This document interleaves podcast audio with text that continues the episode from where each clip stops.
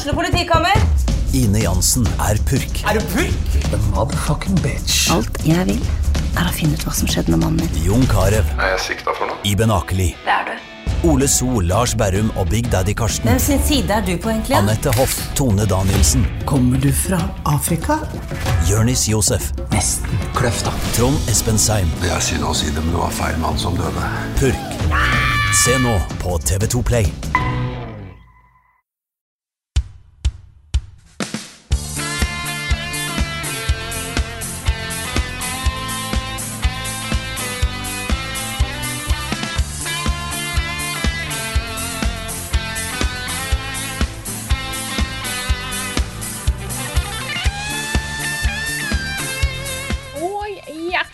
Til en ny episode av podkasten Level Backup med meg, Frida Danmo, som ikke lenger har en oversikt over hva dag det er, fordi det er helligdager opp og ned i mente, og så hjelper det ikke at vi spiller inn denne podkasten på en fredag.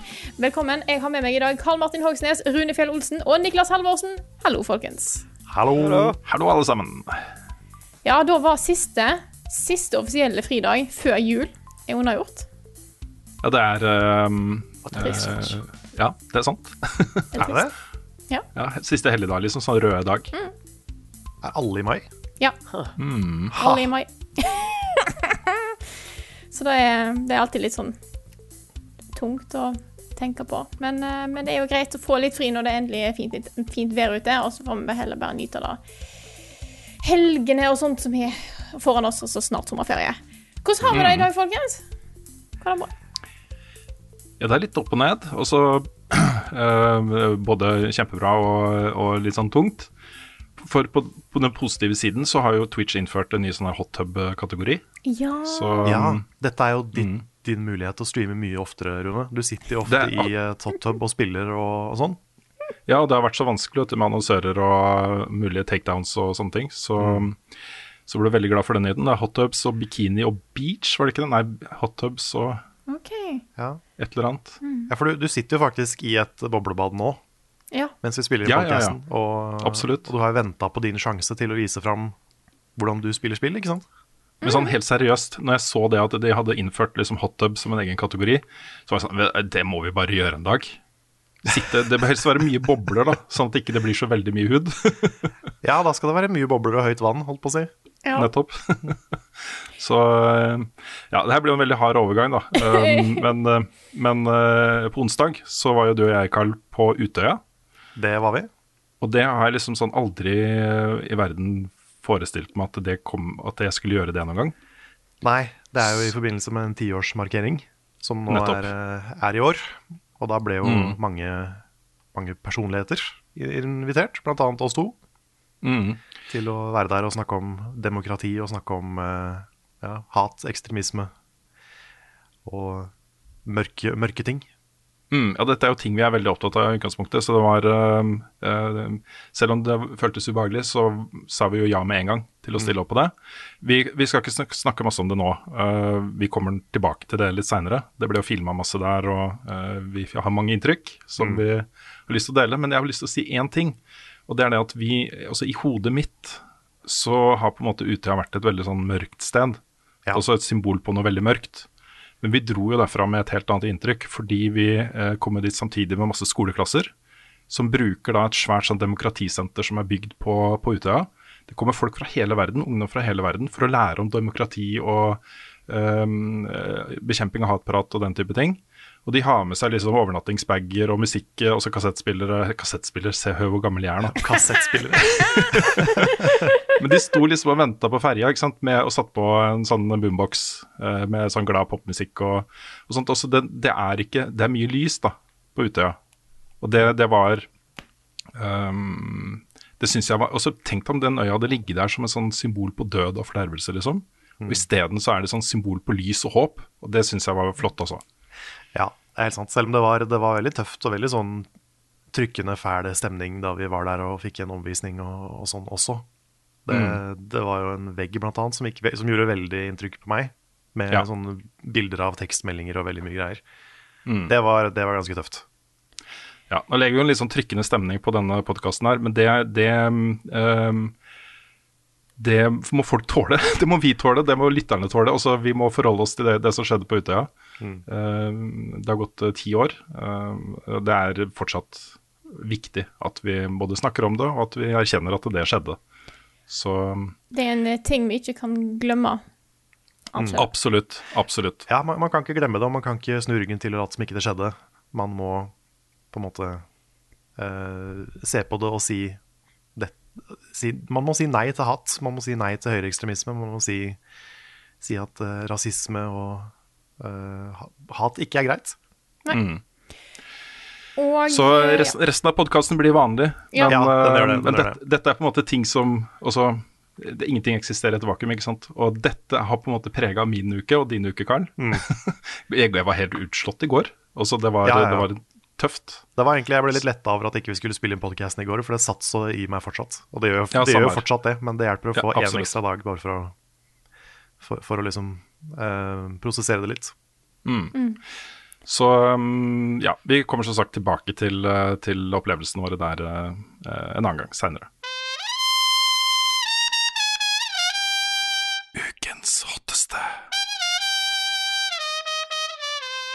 Denne uka har det jo skjedd, eh, skjedd ganske mye. En av de er jo grunnen til at vi har utsatt podkasten. Men da kommer vi tilbake til eh, i nyhetsspalten. Men nå skal vi snakke om Nordic Game Awards, som gikk for seg i går, altså torsdag kveld.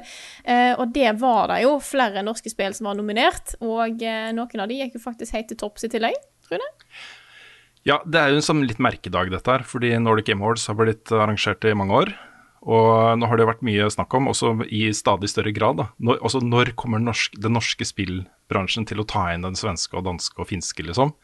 Eh, hvor, hvorfor eh, lages det så mange færre spill, og er det så eh, også, Ikke sant? Um, for første gang siden Nordic Game Awards ble eh, starta, har et norsk spill vunnet Game of the Year. Ja, det er en, er en litt sånn merkedag, altså. Um, jeg kjente at jeg ble liksom sånn, sånn på samme, stolt på samme måte som når Norge slår Brasil i fotball-VM. Type stolt. Sånn Kurt Eh, Nilsen-stolt. Kurt Nilsen-stolt, ja. Ja. Ikke sant? Eh, Men det var da Mørkredd som henta hjem eh, prisen for Game of the Year um, eh, der. Og de vant også i tillegg i kategoriene Best Art og Best Game Design. Og um, det er jo sånn type spill som også Det er jo et indiespill. Også uten tvil et indiespill, og eksisterer i det sjiktet liksom, av spill. Da. Det er ikke sånn Triple A blockbuster, det er ikke Battlefield, liksom. Uh, Men uh, det var tydelig liksom allerede fra lansering at, at det tilhører på en måte det øverste sjiktet innenfor dette her. Uh, Kjempefortjent og veldig kult at de vant den prisen. Så eh, først og fremst bare gratulerer. Dette er viktig også for norsk eh, spillindustri, at de ser at de kan konkurrere eh, med Det er jo sånn lillebror-kompleks, ikke sant. Eh, Når man ser hvor mye de tjener på spill, og hvor mange spill, og hvor gode spill osv. de lager i nabolandene våre. Mm, vi har snakka om dette her før, men når, når Norge oppdager at de er gode i ting, det er da det blir dyrka. Nettopp!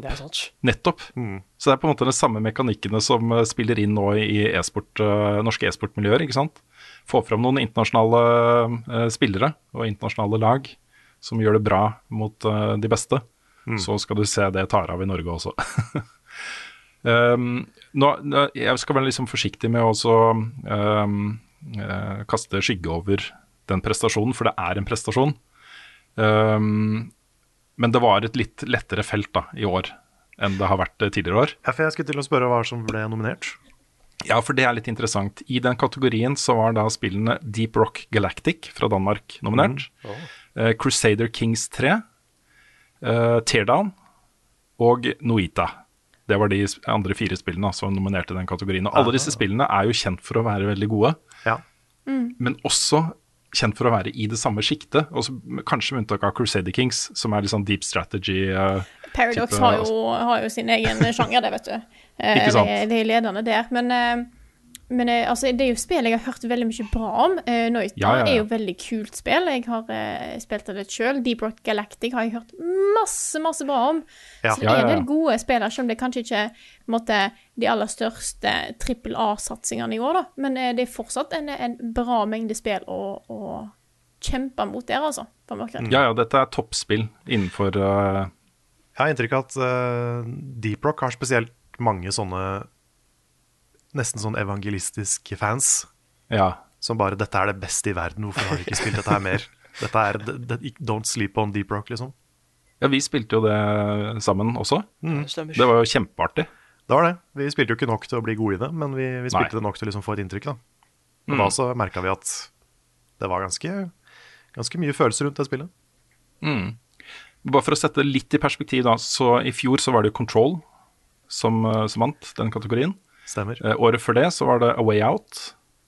Um, året før det igjen var et litt rolig år, år. Da var det et dansk spill, spill som heter Ekko, som ikke er så veldig kjent, men som eh, har blitt litt sånn hylla i indie-miljøer og sånne ting. Uh, uh, I 2017 var det Inside. 2016 Cities Skylines. Og 2015 Wolfenstein The New Order. Ja. Og neste år så skal da de norske spillene som kommer, kommer ut i år, eh, konkurrere da mot bl.a. It Takes Two, Hitman 3, Valheim, Little Nightmares 2 eh, og da kanskje Battlefield 6, som sannsynligvis kommer til Ikke høsten. sant? Holder kanskje en knapp på It Takes Two der. Ja, eh, med Valheim også. Det er en sånn Ja. dark horse på Ja, ja da, absolutt. Så, um, eh, men, det, men det er liksom all- allikevel at vi nå klarer å klatre helt til topps i den kategorien, er sterkt også. Så det er ikke, jeg prøver ikke å kaste skygge på det, um, men jeg, jeg, jeg vil liksom gjerne løfte norsk spillindustri enda et hakk, da. Jeg vil at de skal konkurrere mot It Takes Two, ikke sant. Ja, du vil ha et norsk control. Ja, jeg vil det. Jeg Ja. vil det. Mm. Det hadde vært fett, altså. Men uh, gratulerer masse til eh, Hypergames. Dette er eh, svære greier. Og jeg, det var kjempeartig å følge alle de som jobber der på Twitter uh, i går kveld. Det er sånn ekte, sann glede og voldsom entusiasme, da, både fra dem selv og da fra hele det norske spillmiljøet. Det hagler med gratulasjoner og sånne ting, og det er fullt fortjent, altså. Det er kjempeartig. Hva har du spilt i det vi snakke litt om hva spennende spill vi har spilt i det siste. Og Rune skal få lov til å begynne i dag. Ja, jeg begynner med et eh, spørsmål jeg, eh, som er en representant for veldig mange spørsmål som har kommet eh, denne uka her. Og det er da Mattis Hjelmerud på Patron som spør dette her. Hva tenker dere om det nye spillet Biomutant? Kommer det en anmeldelse? Og på det siste spørsmålet så eh, kanskje Jeg vet ikke. Altså, jeg må jo da nevne at, eh, at det kommer andre ting senere i juni som, som vi verken kan bekrefte eller avkrefte at vi har begynt å spille. Men det er litt pressa med tid akkurat nå. Men jeg har, jeg har begynt å spille Biomutant, og jeg kommer til å fortsette å spille litt til. Og kanskje det kommer en anmeldelse. Men jeg, jeg tenkte det var så mange spørsmål at det er helt åpenbart at mange lurer på om det er verdt å spille Biomutant eller ikke. Fordi konseptuelt er jo dette veldig, veldig sterkt. Og så man snakker om et uh, veldig sånn annerledes type spill i en åpen verden, hvor du har uh, elementer fra alt fra Breath of the Wild til Fortnite og uh, andre liksom open world exploration combat-spill. da.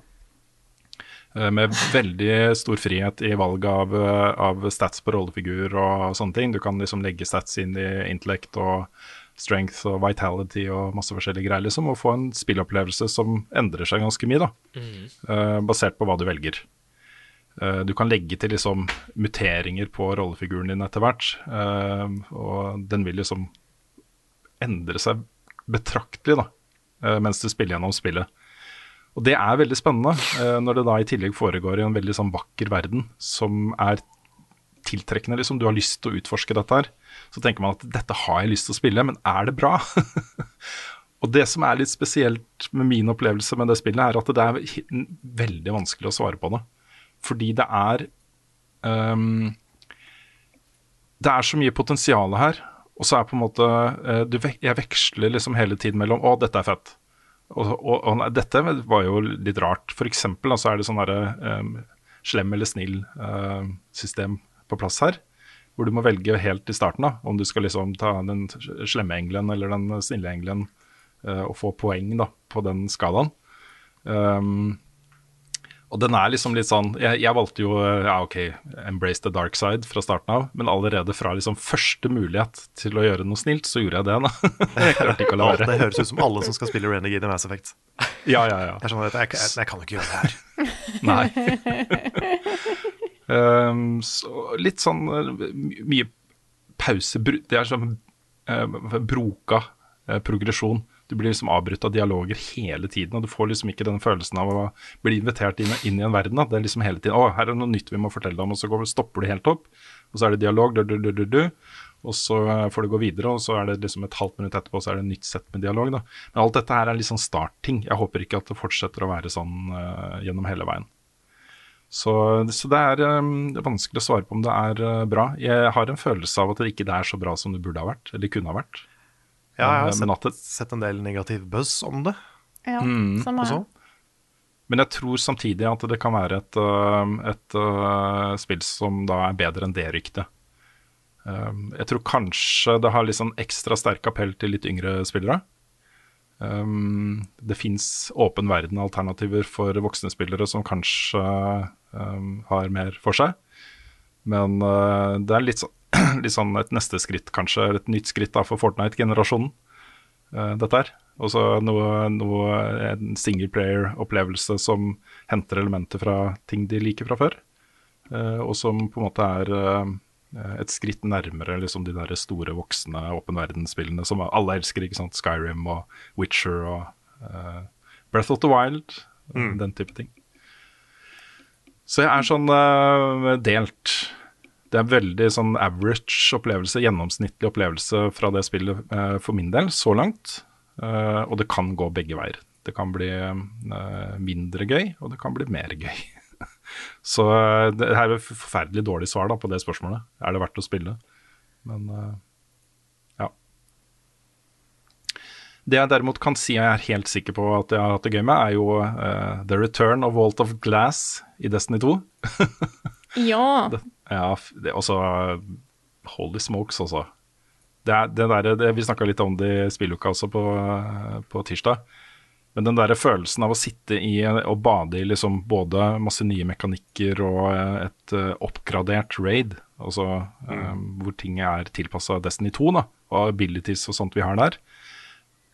Samtidig som du har en sånn der bølge på bølge av nostalgi og uh, kjærlighet da, fra uh, ting du opplevde for mange år siden. ikke sant? Ja. Åh, det er så bra. Så er det jo litt betegnende, da. ikke sant? Vi satt jo eh, Det første døgnet så var det challenge mode, som betyr at her er det sånn race da med å bli først i verden. Eh, også et eget emblem hvis du fullfører liksom alt, alle challenges og sånt første døgnet. Eh, og da er du underlevela, så du gjør mye mindre damage på fiender, og de gjør mye mer damage på deg eh, enn det ditt power level egentlig skulle tilsi. da. Så det første døgnet Vi brukte jo nesten et døgn på å komme gjennom det raidet uh, første gang. Uh, andre gang så står vi liksom på en hylle, bare smelter Templar på én face, liksom. så det tok liksom ikke lang tid, da. Fra det spillet var liksom åh, dette er vanskelig, til åh, dette er fett. Og det er, det er litt gøy å oppdage det også, da. Så um, jeg fikk jo ikke Vision of Confluence på mitt første Clear, men jeg fikk det på mitt andre. Nice. Ah, Fatebringer. Fatebringere har jeg Ja. fått. Da.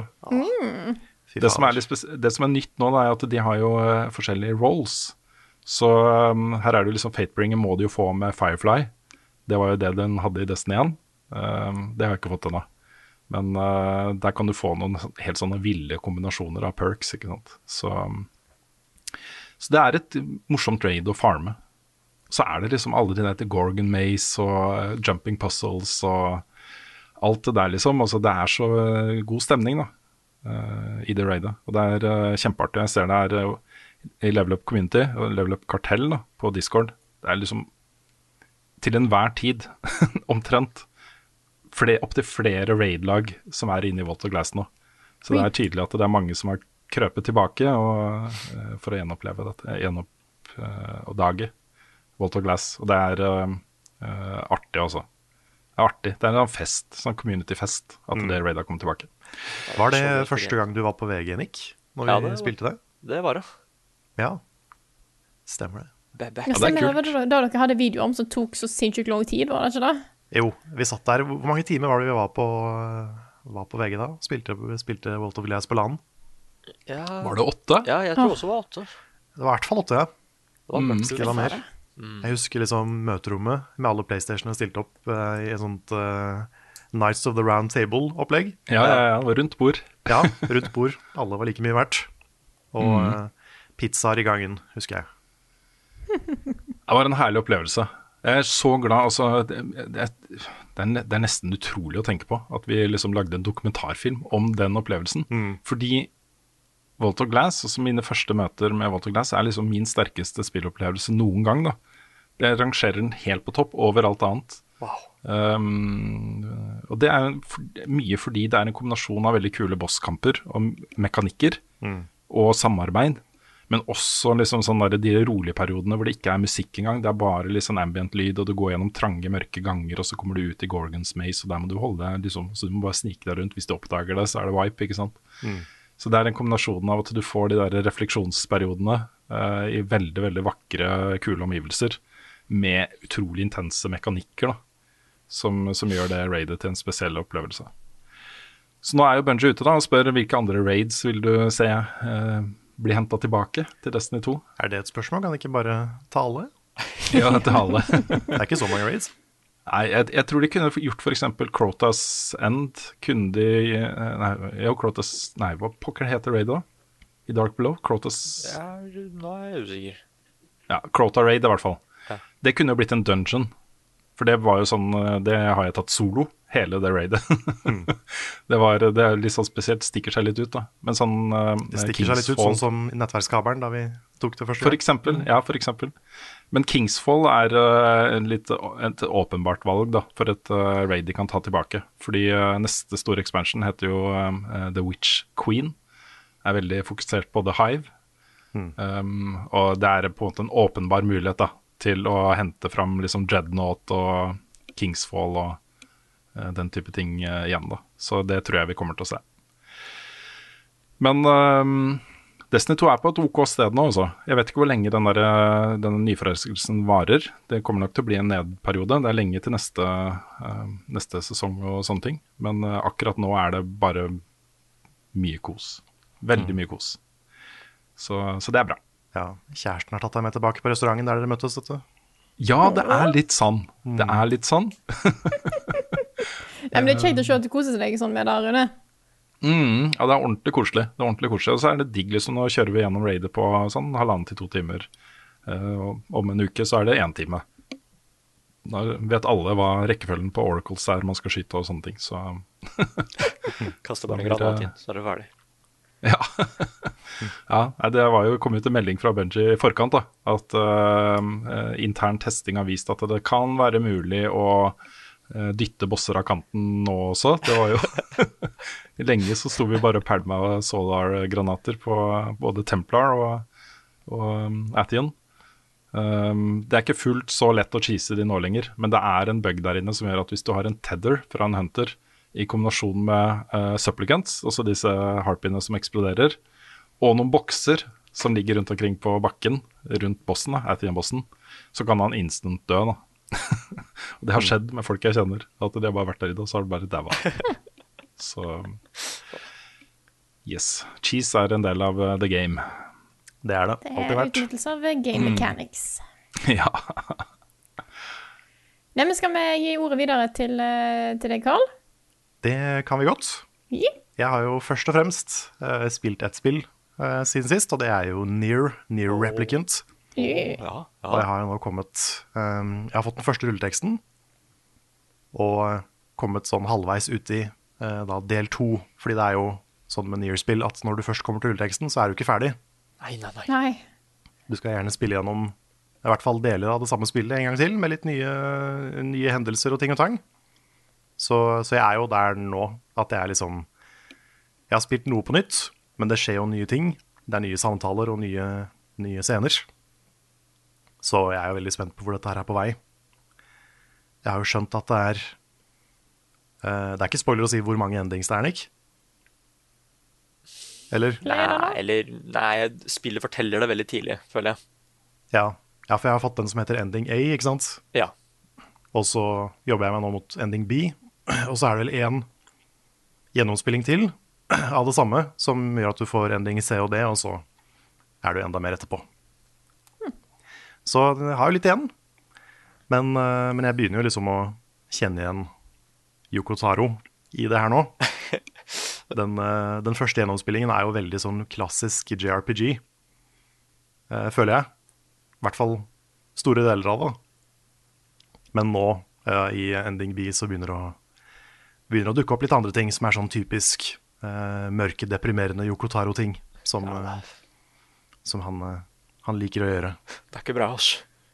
Hæ? Nei, det er ikke bra, ass. Det er, det er Det er ikke bra. Det er det. Er det. det er, noen ganger så føler jeg kanskje at spillet anstrenger seg litt vel mye for å få deg til å grine. At det er litt sånn ting er litt for elendig, nesten. Ja, for jeg, jeg hadde glemt hvor liksom Jeg husker at det At noe av det var veldig trist. Mm. Men særlig når jeg liksom visste hva jeg skulle gjøre, og jeg skulle spille gjennom alt på nytt igjen. Mm.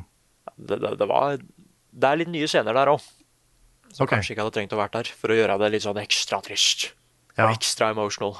Mm. Det er litt sånn eh, Ja, det er et monster der borte. Skal du ta det monsteret, for det driver og terroriserer nabolaget? Så ja, vi gjør det. Ja, det monsteret det hadde 500 barn, det. Og nå kommer du til å høre hvordan alle barna har det. Så det er litt, det er litt sånn. Det er litt sånn der henchman-diskusjonen fra Austin Powers-filmen. Ja, på en måte. Det, det føles litt sånn noen ganger. Bare at det er jo, det er jo genuint, da. Og ofte så funker det. Eh, men det hender at det kanskje smøres på litt vel mye, da, føler jeg. Men, eh, men ja. Det er, det er veldig kult å oppleve det, for det er et sånt unikt spill. Så jeg skjønner hva folk mener når de sier at det er eh, litt clunky, selv om dette her er jo mer moderne og mer finpussa enn det originalen var. Men det er f.eks. en del hvor du skal gjennom en ørken, hvor du da må eh, følge etter en karakter som løper fortere enn du går, og veldig mye saktere enn du løper. Å nei. Og den delen er lang. Og det er sånn Hvorfor gjør man det? jeg vet ikke om det er gjort med vilje, men det er så frustrerende. Vel, altså, det var jo en sandstorm der, da. Så det... Ja, Det... kommer jeg fra? prøver Ja, det, det der er jo en sånn kjempesvær ting, liksom. Hvorfor er det sånn? Hvorfor, det er så mange spill som er sånn. ja. ja, det er jo en ting, liksom, eh, Ja. som, er, eh, som alle som har opplevd det, kjenner igjen. Fordi det er så frustrerende. Men, eh, men ja, jeg liker jo karakterene bedre og bedre. Jeg syns det er veldig morsomt hvor vulgær uh, Kainei er. Og, eh, og den kontrasten mellom Fordi hovedpersonen, i hvert fall i veldig starten av spillet, så er han en veldig sånn typisk eh, JRPG-protagonist. Med sånn eh, eh, Sier til de andre på laget at liksom eh, 'Dette er bra, dette får vi til', og, og det er så hyggelig at, at vi er her og slåss sammen. Og det er, Jeg husker ikke nøyaktig hva han sier, men eh, når han og Kaine slåss sammen en av de første gangene, så er det sånn eh, 'I'm so glad you're here with me, Kaine', og så kommer det fra henne sånn 'Shut the fuck up'. Og det er gøy. Det er sånn, fordi hun skjøtter totalt ned den der eh, overpositive anime-protagonisten, ikke sant? Så det er, det er morsomt. Men, eh, men ja, jeg er veldig nysgjerrig nå på hvor, eh, hvor resten er på vei. Litt blanda følelser om å måtte spille gjennom den samme delen mange ganger, så jeg håper at det spices opp litt. Men, men jeg får se. Ok. Foreløpig ganske, ganske positiv. Men det er bra. Jeg må få spille den her sjøl en gang òg.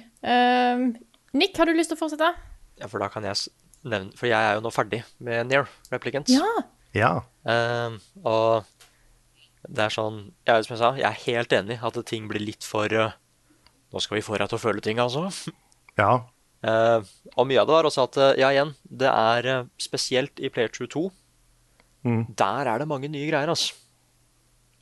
Bare sånne småting som skal få deg til å føle deg Du skal føle deg litt, føle deg litt mer, rett og slett, enn det du gjorde i originalen. Mm. Uh, men det som er så gøy, er at det er uh, Dette er uh, Dette er en sånn remaster gjort riktig, altså. Det, bare det at de har lagt til alle de tinga som de ikke fikk lagt inn i det originale spillet. Det er en ting, så det er alltid så gøy når det dukker opp noe nytt som fortsatt er en del av historien, liksom. Mm. Eh, jeg vet ikke om du er der, Carl? Det er en båt. Jeg har vært på båten. Du har vært på båten. Har du gjort ting på båten, liksom? Ja, det er jo playthrough 1, er det ikke det? Nei, det er Playthrough Ja, ja, det er kanskje 1. Og, ja, det Ja, er 1, har- så klart. Det, var, for det er jo en båt hvor du går inn i et sånn, litt sånn spøkelsesskip. Ja, for det er nytt. Det er nytt. Alt er nytt, Alt er nytt. inkludert liksom bossen etterpå. Ja. Ok. Uh, og da Ja. tenker man liksom bare hva, Åssen er dette her satt sammen i hovedhistorien? Mm. Hvem vet, kanskje det dukker opp noe informasjon i Playthrough 2. Altså, I don't know. Ja, ikke sant. Eh, men eh, Men den siste slutten Det, det er en sånn eh, Det var jo den jeg var mest spent på. Liksom, det, er, det må jo være en grunn til at det spillet er kalt 1,5, med den rare kvadratrot-tittelen sin, liksom. Mm. Og, åh, det var fett, ass. Det er eh, egentlig bare veldig gøy når et spill som du er så godt kjent med, plutselig skal gjøre en helt ny ting. Det er liksom Ja. spennende uansett. Men en ting som jeg lurte litt på, Ja. for det dukker jo opp en bok eh, hjemme hos deg. ja, fordi det er også en ting. Ja, for Er det nytt, eller er det, var det DLC eller noe? Det var delelse, men nå er det kobla mer til historien. Ok. Eh, og det jeg, jeg, Det er en del spørsmål der, for å si det sånn. Ja, for jeg, jeg kan ikke stille det spørsmålet jeg har lyst til å stille, fordi det er spoiler. Ja. Men, Da litt med deg, her, ja. men jeg må spørre deg om det off-cam, Nick. Ja, fordi det var deg jeg sa hva i Ja. Åssen er det dette funker? uh, nei, og jeg, jeg, jeg liker bare det at de har vært uh, ting, som, ting som de var litt dårlige på å forklare, blir mye mer fokusert på. Vi vet uh, Jeg vet mer om karakterene nå enn det jeg gjorde første gang jeg spilte. Mm. Det kan også fordi at det litt mer voksen nå, det er én ting, men det er bare Jeg merker plutselig at det, det, det sa ikke den karakteren sist gang. Oi, nå fikk vi vite mer om dette her. Han og hun og den og sånn. Så det er bare sånn Igjen, det, det er sånn en remaster skal være, føler jeg. At eh, de har tatt vare på det originale spillet. Det nye gameplayet også er bare Det gjør så mye. ja, for det- jeg er litt sånn usikker på om jeg vil kalle det en remaster eller en remake. Ja, For det er en sånn slags mellomting. ja det er det. Det er eh, Er det liksom den beste remasteren jeg har spilt, eller er det en remake? Jeg er ikke helt sikker. Nei, sant. For det er jo ikke, det er ikke på Final Fantasy 7 remake-nivå i det hele tatt. Men Nei, det er på en måte Det er mer enn Mass Effect har gjort, f.eks. Ja, det, det er liksom, og det, det skal så lite til òg. Mm. Legg til et par ting. Vis oss hva som er den ødelagte gaten i Demon Souls, liksom. Er du, er du så vanskelig, altså? Det, Sant? Å, Tenk om de hadde gjort det. Tenk om de hadde bygd opp den, ikke sant. ja, det, det er mange sånne ting, da. Og Mm. Nei, og så var det egentlig bare igjen det at ja, du kan spille gjennom hele spillet og bare bli skikkelig Skikkelig emotional igjen. Dette er et, dette er et vanskelig spill å komme seg gjennom, sånn sett. Historien er kjempefin, syns jeg. Men det at du da til slutt kommer til det området der det er helt nytt innhold, det, det, det var så gøy. Og jeg gleder meg til å liksom bare gå skikkelig i dybden på hva det er. Eh, så, ja. Uh, Nier er bra. Kommer noe greier rundt det. Eh, og det siste jeg har spilt, er at eh, jeg hoppa tilbake igjen på Last of Us 2. Etter Ja. eh, Siden det var snakk om noe PlayStation 5 kunne spille i 60 bilder og sånn.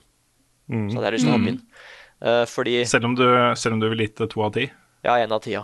Fordi det er mm. Nei da. Etter Nei, men et, et eller annet har skjedd med meg etter Returnal. Etter minus sju av ti på det. Ja, Ja, mm, ja. Uh. Det gjør noe med deg. Det var sånn eh, Nei, men jeg har begynt å tenke veldig mye på åssen payoffs i historier og sånn. Åssen ting skal avslutte. Hva du, hva du føler når du er ferdig, og alt det her. Så da tenkte jeg at vet du hva, skal, nå, nå skal jeg hoppe inn. Kanskje jeg tok feil av The Last of Us Part 2. Uh, så derfor har jeg hoppa inn igjen. uh, for å se. Uh, og så skal jeg filme alt sammen, for det hadde vært gøy å Last of Us 2 er et så rart spill. Jeg føler, jeg føler at det er De kunne gjort én ting annerledes, så hadde jeg hatt det som en tier, liksom. Og det er litt, det er litt rart. Og jeg vil bare finne ut nøyaktig hvorfor jeg syns det. Så det Høres interessant ut. ja. Det Du er på en måte litt sånn arkeolog, uh, uh, spillkritiker, inni, inni en opplevelse. Det er spennende, altså. mm. ja, så er det så gøy at det er For et år siden så bare Nei, dette trenger jeg ikke å spille igjen, men nå er det bare sånn, vet du hva, la oss gi det en ny sjanse. Det, det får jo så god mottakelse, liksom, så jeg, jeg må gi det en ny sjanse. Jeg er spent på å se om du eh, enten finner ut hva det er som eh, du eh, som, som ikke treffer deg, eller om du endrer mening, eller hva som skjer. Veldig Ja. spent. Ikke sant? det, det fikk jo toppscore av både Rune og meg. Vet ikke hva du ville gjort, hva, du ville gitt til Frida? Jeg hadde gitt det samme. Ja. Nei, Jeg har bare blitt enda sikrere på den tieren, altså. Det er, eh, det, er, det er et sånt spill som kommer til å stå igjen som, eh, som et av de største og viktigste spillene jeg, har spilt, da. Eh, rent personlig. Når jeg ser opp igjen liksom de, noen av de sekvensene sånn hvor, hvor du går litt tilbake i tid, og du er på den forfalne dinosaurparken og, og sånt. Det er så bra laga, liksom. Sånn narrativt, da. Um, jeg, jeg, jeg synes Det går liksom i sirkler rundt så mye historiefortelling i spill. På både dialog og um, uh, relasjoner. Og det er um, Ja. Jeg er blitt enda sikrere på nå, i ettertid. OK, Yeah. skal jeg ta over, Nick? Ja, jeg er det. Uh, ting har vært egentlig ganske rolig her, men jeg har egentlig jeg har fortsatt litt på, på Pokémon Snap. Tatt masse fine bilder der. Og så har jeg eh, tatt German i Bloodborne, og så har jeg spilt masse Dorf Romantic, egentlig. Du bare hoppa rett forbi den, liksom. Du hoppa rett forbi, så du har, eh, du har runda Du har runda Du har Bloodborne. runda Bloodborne. Jeg har runda Bloodborne. Oh, my God. one of us. One of us. One of us. Hva føler du nå, Frida? Um, akkurat nå er jeg ikke stressa, for dette har jeg planlagt å snakke om i ganske lang tid. Eh, jeg ble ferdig med dette her forrige helg, men så skulle selvfølgelig Rune ha pause fra podkasten. Oh, så du Åh, holdt det ja. hemmelig når vi hadde podkast podcast forrige uke? Jeg holdt det hemmelig ganske lenge. Eh, Nick har visst om det, fordi at uh, han måtte vite om det i en annen setting. Men uh, jeg ble forrige helg, så tok jeg Ja, jeg tok vel egentlig resten. Jeg tok fullførte The Old Hunters, jeg tok uh, German og tok Moon Presence. Åh, jeg kjenner det liksom Det svulmer. Det svulmer inni meg, Frida. Men jeg, men jeg, jeg blir så nysgjerrig på hva, hva syns du? Hva, hvordan føles det å ha kommet seg gjennom et Tromsoft-spill? Bloodborne hos meg er jæklig complicated. Og eh, nå skal jeg Dette kan bli litt langt, så jeg skjønner at folk er litt lei av FromSoft, men nå er det min tur. Ja, nå Ja, er det ja, faktisk din tur. Yes. Own it. Eh, eh, Bloodborne er et spill jeg har hatt veldig mye eh, Kan jeg bare for- avbryte litt Ja. før vi går for langt? Ja. Fordi nå sitter det sikkert hvert fall noen, da. Ja. De som hører på. Ja, men jeg vil høre om Dorf Romantic! du sa noe om Dorf Romantic. Dorf Romantic er kjempegøy. Knall. Eh, OK, sorry altså. øh, ikke sant. Nei, Bloodborne er et spill jeg har hatt et ekstremt forhold til i veldig mange år, fordi at det har vært en så stor ting i level up-sammenheng, og det er en stor ting her hjemme. Og jeg liker settingen, jeg liker storyen, jeg liker alt det greiene der. Jeg har bare ikke klart å komme meg inn i gameplayet. Og da at jeg, jeg har jo sett alle Vati sine videoer om historien, så jeg kan jo historien inn og ut. Jeg har sett dere spille det på Let's Plays og på streams og alt mulig rart. Så jeg tror jeg har en litt annen oppfattelse av å spille det nå. For dette var ikke en, på en måte en første playthrough, på en Ja, måte. vi satt vel faktisk og spilte det under julebordet vårt uh, for et par år siden også. Um, hadde tatt med oss maskiner og bare Ikke sant? Bloodborne. Så, så det er, det er Og jeg har jo prøvd på det en gang før. Og jeg har slitt meg gjennom det og kom meg ganske langt. Det var rett før Shadow of Yarnum. Men jeg bare kom ikke inn i det. Alt føltes som en vegg. Ingenting var gøy. Da å farme Blood Vials var noe dritt. Så det jeg gjorde annerledes nå, var at jeg fikk meg en PlayStation 5. Jeg hadde ingen spill til det. Tenkte faen, kanskje jeg skal begynne på dette her. Og hadde med meg Petter som guide. Ja, det er lurt. Så jeg har blitt uh, guida litt gjennom. Uh, kanskje fått uh, The Blood Bjørn Experience. uh, bare her hjemme. Og da var noe annet, altså. For plutselig så kunne jeg få beskjed om hva jeg gjorde feil. Hva som var lurt å gjøre. Eh, hos, hva småting som jeg har vent meg til fra andre spill, som ikke funker i FromSoft-spill. Og plutselig så gikk jo ting som en lek. Jeg tror Ludvig var første bossen jeg trong mer enn ti forsøk på. Ha. Eh, og så jeg bare kjørte gjennom dette her. Og eh, var stuck på Orphan of Cross en god stund, da skal jeg si. Den tok meg et par dager. Men, men jeg hadde du har spilt alt. Ja, jeg tok alt, jeg. Eh, så da jeg satt igjen med, var en sånn følelse av at dette er et spill jeg har hatt kjennskap til i lang tid, men har òg hata litt for min egen del i lang tid. Så den opplevelsen av å spille det igjennom ble litt overskygga over av all da, den irritasjonen jeg har hatt til det spillet i tre år etter første playthroughen min. Ja. Sånn at det var en sånn ubalanse der, og det tror jeg rett og slett er fordi at jeg har ikke likt dette spillet her, gameplay-messig, for min egen del, i tre år, og så plutselig liker jeg det i veldig kort tid. Så jeg spilte gjennom hele dritten på nytt igjen, jeg. Å ja. Wow. Det er akkurat sånn som jeg gjorde. Ja, det, men, men det, er jo, det er jo en del av opplevelsen å få den der New Game Plus-greia. Ja, hvor du jeg tok ikke New Game Plus, faktisk. Nei. Det Nei, var nei, mest men, for å- nei, men det gjør ikke ja, noe. Men bare den, det at du, liksom, du starter på nytt, og du har lært så mye. Så det blir jo en sånn victory lap ofte. Og da spilte jeg gjennom det alene. Eh, og da merker jeg innimellom litt mer at jeg eh, satte meg sjøl litt fast. Eh, men da var noe annet. Og dette har ikke du visst om heller, Nick. Ok.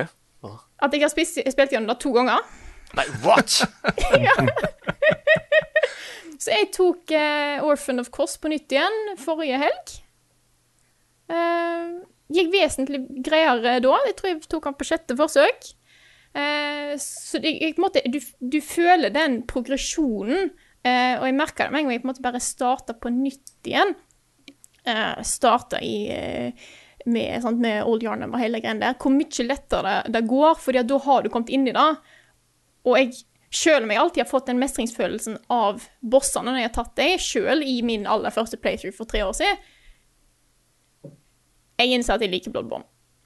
Jeg har havna, jeg Eh, jeg har jo litt settingen. Eh, jeg tror, kan, jeg tror nok fortsatt ikke jeg er på eh, å putte det på toppen av eh, topplista mi for all time, så jeg er ikke helt i deres eh, jeg, jeg driver og ser på dette her eh, plaskebassenget av fan, fanboyism som dere har lagd for Bloodborne.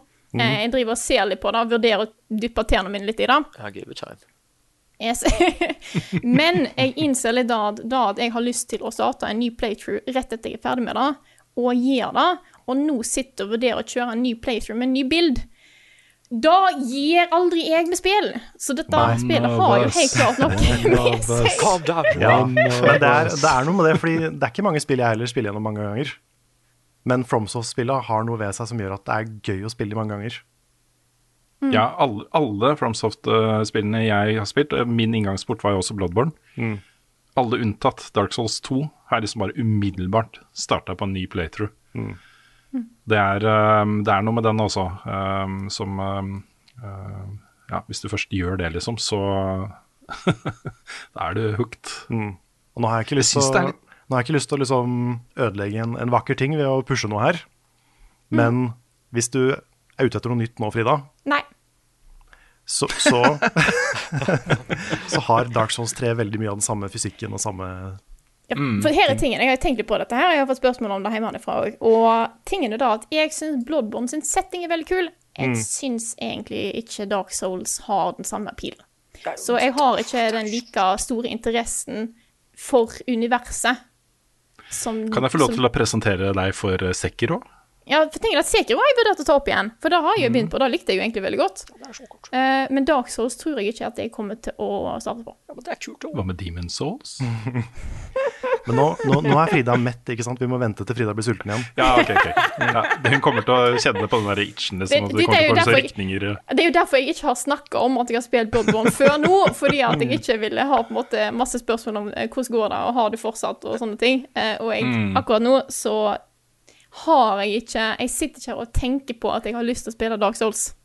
Mm. Um, så jeg er en kanskje litt sånn weirdo her som ikke på en måte går all in uh, i FromSoft-universet. Men jeg tror det, det er litt fordi at Fordi hele opplevelsen og inntrykket mitt av Bloodborne er så uh, har gått over så lang tid og har kommet fra så mange vinkler at jeg Mm. kanskje ikke ble like fort dratt inn da, som kanskje dere har blitt. Mm. Er Nesten, egentlig så er jeg nesten litt sånn skuffa over at du likte det så godt, fordi um, det er litt rart det der. Jeg har opplevd det liksom Hvis du ser på spillredaksjoner, også, uh, om det er uh, sånne som oss, eller om det er mer sånn entertainment-baserte, ofte så er det sånn at du enten er veldig inne i Soulsborne, eller så er du veldig ikke inne, og at det er sånn jevnt over at hele redaksjonen er enten ikke spesielt glad i de spillene, eller ekstremt glad i de spillene. Mm. Og det har vi eksempler på her i Norge også. Eh, jeg vet det er redaksjoner rundt omkring som lager podkaster og sånt, som er veldig sånn ah, FromSoft. Hva er det den derre kulten mener? Det Mm. her er jo ikke også, Ikke sant? Mens vi er veldig inne i det, ikke sant. Og det, det syns jeg er litt interessant, fordi eh, det, det, jeg, jeg tror det sier litt om på en måte den eh, hvordan den entusiasmen kan spres, da, hvis du først har en eller to personer som har kommet seg gjennom en hel, en hel FromSoft-opplevelse, og sitter igjen med den der sterke inntrykket av at å, nå har jeg overvunnet noe fantastisk. og da, dette er det, sant, Jeg er på innsiden. Og så får man lyst til å ta en del av den følelsen, og så sprer det seg liksom fra person til person da, gjennom redaksjonen. ikke sant? Og det var jo 100 pga. Svendsen at alle vi nå kanskje har spilt eh, Ja. et FromSoft-spill. Mm. For han kom inn og elska Dark Souls. Og så fikk han meg til å spille det, så fikk jeg Rune til å spille det. Nick, du spilte det kanskje uavhengig av Svendsen? Ja, jeg hadde spilt det samtidig som Svens. Ja, ok. Men det, nei, det har spredd seg som, eh, som en brann, altså. Ja, det har det. Men jeg, jeg vil jo også si at det er fortsatt ting til i Bloodborne som jeg er eh, kritisk til. Jeg syns fortsatt at eh, Jeg vil fortsatt være en litt en, eh, thorn in your side. Nei da, jeg eh, ting, Tingen er at jeg syns fortsatt Blood Vial-systemet er litt teit. Uh, og det er rett og slett fordi at hvis du kommer inn i ting, og det, det har jeg hørt folk snakke om, at på et tidspunkt så bare får du endelig blood vials. Og det går greit hvis du skjønner hvordan ting funker, men det, det som var min forrige playthrough, var at det var så mange ting jeg ble stuck i, som gjorde at jeg hele tida gikk tom, og da kommer du aldri inn i det. Fordi at eh, jeg husker fortsatt den irritasjonen over jeg som skulle ta Vikar Emilia, gå der, bruke opp alle blood vialsene mine, må bruke lang tid på å hente, få tak i nye, og så kan jeg ha et nytt, nytt forsøk som det har gått såpass lang tid siden sist at jeg ikke får kommet ordentlig inn i det, og da er en destruktiv sirkel. Og jeg skjønner hvorfor det er det, fordi at det har noe med liksom, ja, du har begrenset med ressurser og sånne ting, men jeg tror at det ødelegger for en del ting. Og det ødela veldig for meg første gangen, eh, men nå, nå gikk det greit, for nå på en måte fikk jeg den guidinga som jeg trong for å komme meg inn i dette her. Men jeg syns fortsatt at systemet er tungvint. Jeg syns Altså, det er bedre med, med Estus, sånn som du har i dag, Sols. Mm. Men det, det er enig i det sånn i utgangspunktet. Men grunnen til at, det er, grunnen til at de innførte det, eller grunnen til at de eh, la bort da, Estus-systemet, hvor du får re, eh, refilla den flaska hver gang du dør, liksom, det er jo fordi du har her et veldig mye sånn action-fokusert gameplay, hvor du får tilbake helse. Hvis du umiddelbart gjør damage på de som har skadet deg, og de som er rundt deg, og sånne ting. Eh, og Derfor så vil de ha et system hvor du ikke kunne lene deg på at, uh, at eh, helse bare kom tilbake hvis du døde, liksom. Eller du kunne Ikke sant? Nå er det et, et eller annet et, et maskineri på utsida her som slår ut litt, så jeg skal bare ta og lukke et vindu. Så, men jeg, jeg også er uh, mer glad i Estus-systemet. Jeg syns det, er, um, det er på en måte sånn tillegg, for den kan du oppgradere. ikke sant? Og uh, gjøre den mer potent og ha flere ladninger og sånt underveis. Ja, sant. Da, Jeg er litt omvendt. ja. Ja, fordi uh, Bloodwild-systemet plager meg ikke nå lenger, men det er fordi jeg kjenner Bloodborne så godt. Men da jeg spilte det første og andre gangen, så kjente jeg meg igjen i det du sier nå. Det at liksom Det å ikke ha tilgang på healing, selv om du føler at nå begynner du å kunne det, det er litt, eh, litt frustrerende. Det er det, og det ender opp med at du, du, du kommer ikke inn i det, for du må bruke så mye tid på det. Eh, så da syns jeg var Jeg syns fortsatt det er et ikke helt Nå er det selvfølgelig skal de klippe plenen. ja. Ja. Derfor nå, jeg håper det ikke slår ut altfor mye. når Det går sikkert bra. Ja. Um, men jeg syns Jeg tror òg at eh, Jeg tror at den måten å fortelle historier på ikke er helt my thing. Jeg vet at mange liker den veldig godt, den at du må grave litt og sånne ting, men jeg syns at det blir litt for vagt. Som gjør at jeg sitter her og kommer meg ut på jeg følger med på cutscenes og hva NPC-er sier, og ser på item descriptions innimellom, sant? og så plutselig så skal jeg ut og ta rom, og så sitter det en fyr i en stol. Og jeg bare Hvem er du? Hvorfor er du her? Hvorfor er du en pave? Sant? Og så, så, så, så det er liksom det, det er litt, jeg, Så da sitter jeg bare sånn Åh, hvem, hvorfor er rom Hvem er dette?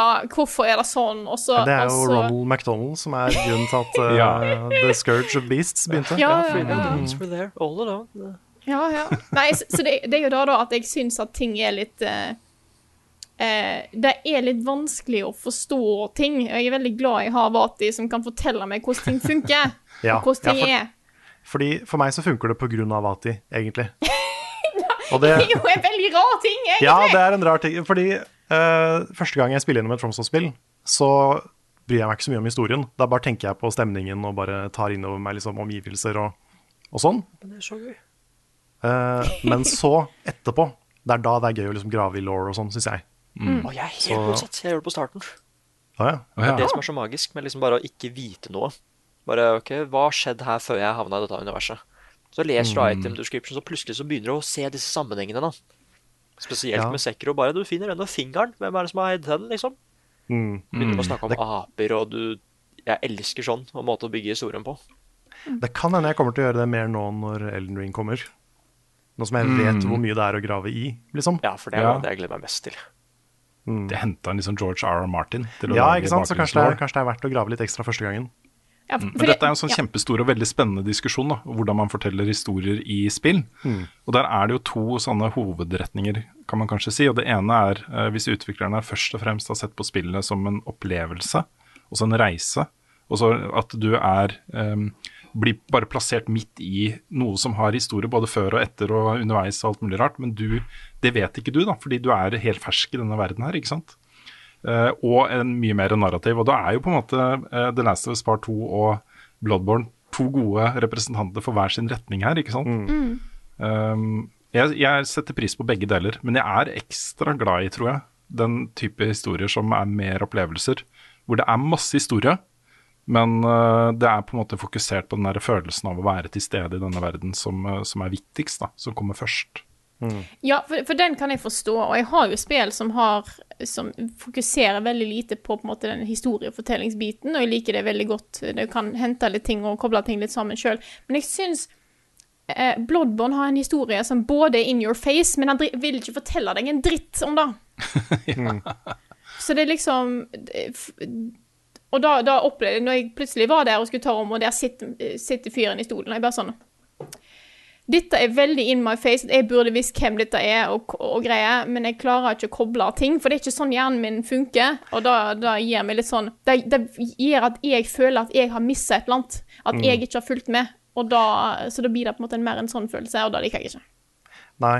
Men jeg, jeg tenker ikke nødvendigvis at du skal vite hvem han er. Nei, men jeg tenk, tenkte da Jeg tenkte Ja. at her har jeg mista det, sant. Og det er, så det er litt problemet med på en måte sånn jeg opplevde da, eh, er at jeg tenkte at dette burde jeg ha visst. Mm. eller For jeg, jeg visste jo Jeg visste jo at historien er vag, og at du må lete og granske mye for å finne ut av ting. Eh, så når det da kommer plutselig litt store ting, som mitt, eh, liksom bare er veldig tydelig rett der, så tenker jeg at OK, har jeg mista et veldig stort og viktig clou en plass? Um, så det, det er litt jeg, jeg vet ikke helt hva jeg syns om eh, Eller jeg skjønner at den historiefortellermåten funker for veldig mange. Han funker bare ikke for meg. Jeg vil egentlig bare prøve å si. Og det handler litt med at jeg er dårlig på å huske navn. Jeg er dårlig på å huske stedsnavn. Så når det plutselig blir kastet ut et navn her og der, og så prøver jeg liksom på sånn, hvem var det igjen? Hvordan funker det igjen? Så jeg må få litt sånne ting inn med teskje innimellom, merker jeg.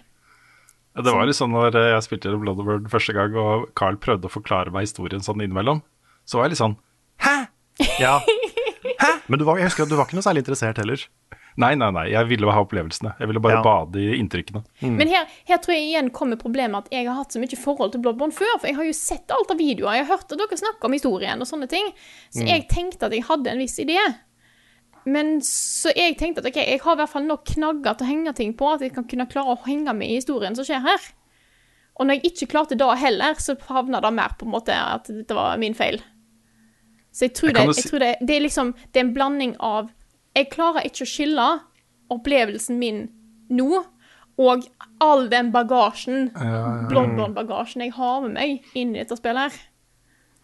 Jeg kan jo si såpass da at uh, nå har jeg jo spilt gjennom Bloodborne sikkert åtte-ti ganger eller noe sånt. Um, jeg har hørt på Carl snakke masse om historien. Um, til og med lest litt law ved siden av også. Um, men jeg hadde fortsatt ikke klart å lage en, en korrekt, detaljert eh, recount av den historien. Jeg hadde ikke klart å gjenfortelle historien i Bloodborne uh, fra til Å. Det hadde jeg ikke klart. Nei. Nei det Men er, det er, ikke, det er greit. Jeg syns det er greit. Nei, det, er, det er deler av historien. Uh, liksom Surface-historien kunne jeg nok uh, lagd en recap av. Men ikke liksom alle de connectionsa mellom forskjellige karakterer og uh, hvor de befinner seg, og hva, hvilken drøm er det, og sånne ting. Det hadde jeg ikke Ja. klart. Og det, det, det er kanskje litt da at siden jeg har hørt så mye om det, så hadde jeg lyst Jeg hadde lyst til å få med meg historien, for jeg liker så godt historiesettingen. Og jeg tror det er det som blir en liten sånn krasj, for jeg er ikke helt på de sider unna at jeg på en måte bare godtar at historien er der og nyter alt det andre, for jeg har lyst til å få med historien i tillegg. Og jeg syns da er Spillet gjør det vanskelig for deg å finne ut noe av historien. Vanskelig. Det gjør det. Det er helt sant. Så, eh, så dette er dette, Nå snakker jeg litt sånn kritisk om det, men jeg innser at jeg egentlig har blitt veldig glad i det. One of us. Så nå skal jeg ta en Arcane-bild, er jo planen, da. Oi, oi, oi. Ja, fordi- Det har jeg aldri gjort, faktisk. Ja, for kan jeg stille noen spørsmål? Ikke heller. Bare noen raske, raske spørsmål, liksom. For jeg har jo venta på denne revealen her lenge, jeg òg, liksom. Rekker, Ja, ja, ja, ja. ikke lenge, en, en uke, liksom. Um, Ja. ja, fordi hva, hva ble favorittvåpenet ditt? Jeg har brukt såklyver hele veien. OK.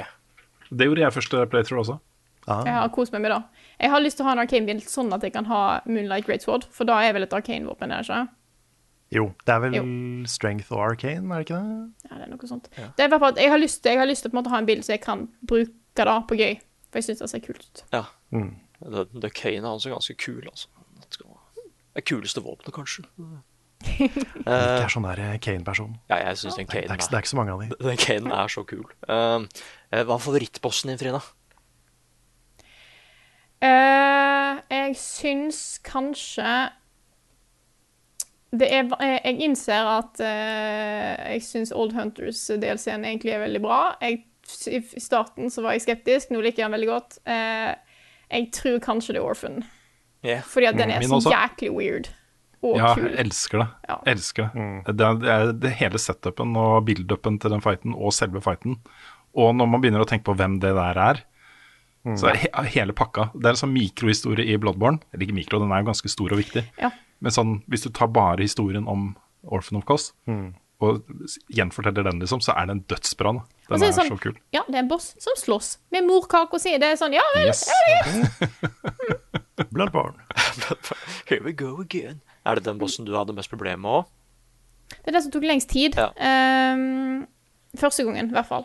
Ja. Eh, Det var fordi ikke jeg Wet Nurse? den var eh, Nei, det var ikke Wet Nurse. Ah. Den var relativt grei. Jeg. Men jeg visste cheesen, da. Hva er cheesen? Er det det Ja, altså, med en gang, med en gang det kommer en gang det blir mørkt, så bare springer du i sirkel til det ikke er mørkt lenger, Ja. så, så denger det rundt. Det er fint. Nei, Wet Nurse er for vanskelig, altså. Det, Jeg har aldri slitt med Wet Nurse. det, er, det, er Eh, for mange, det er eh, for mange moving parts. Og den verste bossen er Mikkelars. Den syns jeg er bare teit. Den liker jeg ikke. Nei, den er litt sånn klønete. Ja, den er bare kjip. Sånn eh, litt sånn gimmick fight. Ja, men så er det ikke en god gimmick-fight heller, for du bare blir stuck, og så er det bare øh, nei. Ja, det er sånn den er, Ja, den er litt forvirrende. Mm. Litt uh, utydelig. Var det flere spørsmål på lager, Nick? Nei, det var, det var de tre der. Det var de tre, Det er alltid så ja. spennende å vite, liksom. Bare i alle Souls-spill, egentlig. Hva man har brukt, og hva man brukte mest tid på. Hva man likte best av bossene. Jeg, jeg trodde eh, Jeg syns den som var vanskeligst fra Altså, første gang jeg testa den, var Ludvig. Fordi at da følte jeg at det bare sånn Hva i svarte hebær dør jeg? Eh, men så Så begynte jeg å styre med litt Beast Blood Pellets, og plutselig bare var han død. Så jeg følte, jeg ble, jeg følte nesten jeg, jeg ble robba for en god fight. Fordi at jeg, på en måte, jeg var stuck et par, eh, par fire, fem, seks, sju, åtte ganger. Og så fikk jeg meg ja, du kan prøve med Beast Blood Pellet, og så bare gikk han ned. Jeg bare sånn Dette har ikke jeg fortjent. Jeg har ikke fortjent å ta ut Ludvig. Så det var derfor jeg tok det på nytt igjen, og så tok jeg det på en måte Da tok jeg den eh, eh, Andre playtime min var uten summons eh, og bare liksom my own skill, da. Så da tok jeg den på nytt igjen, og da var jeg veldig fornøyd, for da visste jeg at jeg, på en måte, jeg er god nok. Det var ikke bare en bug eller et eller annet. Jeg bare følte at han gikk så jæklig fort ned den gangen. Det var veldig rart. Mm. Det er jo en del snakk om sånn vanskelighetsgraden i disse spillene, og burde det vært en easy mode, og burde det, ikke sant. Um, jeg kan i hvert fall si såpass at, um, at uh, uh, altså det er, Jeg har også gjort det, spilt gjennom uten summons og uten bla, bla, bla. Men jeg har ingen problemer med å gjøre det. Også, også på første, første forsøk på bosser. Hvis jeg føler at å, det rommet her ser skikkelig skummelt ut, og den operamusikken, jeg liker ikke den, la oss uh, hente litt hjelp fra en eller annen. det er, bare gjør det, liksom. Ja, ja. Jeg gjorde Ja. mye på min første playthrough. Og det er, jo, det er jo sånn FromSoft håndterer dynamisk vanskelighetsgrad også. At du har muligheten til å summone og, og sånn. Ah, det er så morsomt den der memen med bare du kommer til et bossrom, og så er det Ja. å, det her ser ut som et bossrom. Og det er musikk, det er jo helt klart et bossrom. Og det er eh, klassisk musikk eller opera. Ja. I hvert fall en boss. De synger på latinsk. Oh my god. Men jeg, jeg kan i hvert fall eh, si eh, jeg har tatt det meste. Jeg har ikke tatt uh, Abritus. Eh, jeg har prøvd meg på et par ganger, men jeg innså bare sånn, jeg liker ikke den fighten, og så har jeg bare gått videre. Eh, Og jeg har ikke vært i Canehurst. Ellers har jeg tatt alt. Uh, Kanehurst er kult. Ja, Caners er fett, altså. Ja, jeg tenker jeg skal prøve hvis jeg tar en run til nå, så en eller annen gang. Ikke nå, for nå er jeg opptatt med andre ting, men eh, en annen gang så tror jeg på en måte da prøver meg på den biten òg, da. Bare så jeg har gjort, gjort da. Et av favorittstedene mine i hele Bloodborne det er Kanehurst. Men når vi er inne på det her med historiefortelling, da, og forskjellige, Ja. måter, forskjellige måter å fortelle historier på Det som funker dårligst på meg, har jeg begynt å merke, det er litt den derre Jeg er veldig glad i Mass Effect og en del av de vestlige rollespillene, men den derre samtaletre-greia, hvor to karakterer står rett opp og ned, det er animasjon i ansiktet deres, men ikke noe annet. Og de bare står og liksom leser opp eksposisjon til hverandre. Og du kan spørre om hva, hva er dette for noe? Fortell meg om ditt folk. Fortell meg om dette her, og fortell meg om det her. Det funker ikke på meg, altså. Jeg syns det blir så tørt. Det var en av de store kritikkpunktene jeg hadde mot eh, Horizon også. Det første Horizon. Ja, ja, for det også er litt sånn. Men jeg synes, for jeg tenkte på det når jeg spilte gjennom Mass Effect igjen nå, for hovedhistorien der er kjempebra. Og hvis du vil, så kan du grave i kodeksen der og finne masse kul law, liksom. Men de derre lange stakkato, tørre samtalene med karakterer som ikke har noe ansiktsuttrykk, de bare står rett opp og ned, ikke noe kroppsbevegelser i det hele tatt, og snakker fram og tilbake til hverandre. Ja, Jeg syns det er så gørr kjedelig. det, ja det er ordentlig sånn kjedelig. voksne Jeg syns det blir gjort. Og det er sånn, fordi, og da tenker, jeg, da tenker jeg på sånn som eh, både japanske spill, som har så mye mimikk og så mye bevegelse i cutscenes, eh, og spill som The Last of Us, som også har liksom full body movement og naturlige samtaler med karakterer som beveger seg mye. Og regi. Kameraregi. Og jeg skjønner at det er vanskelig med spill som har uh, den type dialog til her, og som er så åpne som f.eks. The Witcher og sånn. da. N- eh, ja, nei, fordi at jeg syns For da vil jeg si, ta opp Jeg syns Witcher 3 gjør det dritbra, for det har Ja, de for det- veldig det mye god kameraregi. Og det føles det mer som faktiske samtaler. Eh, Så da er det eneste spillet jeg kom på som jeg syns gjør det kjempebra. Så derfor vil jeg bare kaste inn den. Um, så det går an. Ja, for hvis det går an, så har jeg jo ikke spilt eh, nok The Witcher til, til å vite det. Men hvis det er et bra eksempel på det, så er det kjempekult. Fordi jeg håper spill kommer seg ut av den. For det har alltid, det ganske til og med da Mass Effect kom, så har det plaga meg. At liksom, jeg syns det blir for tørt. Og så er det ganske stor forskjell, for det er mange av disse spillene som skryter av hvor mange tusen sider eh, manus de har. Um, og da er det mange av disse spillene hvor mange tusen av de sidene ikke er spesielt interessante, liksom, eller velskrevne eller noe sånt. Men så har de sånne spill som uh, Disco Elysium, hvor på en måte alt som er skrevet, all tekst, er interessant. Da. Det er godt skrevet og ofte morsomt og spennende og alt dette her. Det er. Og da er det morsommere å grave ned i dialogvalg og sånne ting, enn når det bare er i informasjonen, liksom. Ja. Men når det er sagt, da, Mass Effect er kjempebra, det har et kjempebra manus. Um, så det er ikke helt det som er problemet heller. Det er mer um, kanskje måten det leveres på. Det, at det, det at det er de der tørre, lange dialogvalga hvor du må gå inn og få ekstra informasjon, og så føler du at du må gjøre det fordi kanskje du får noe XP av det, eller whatever.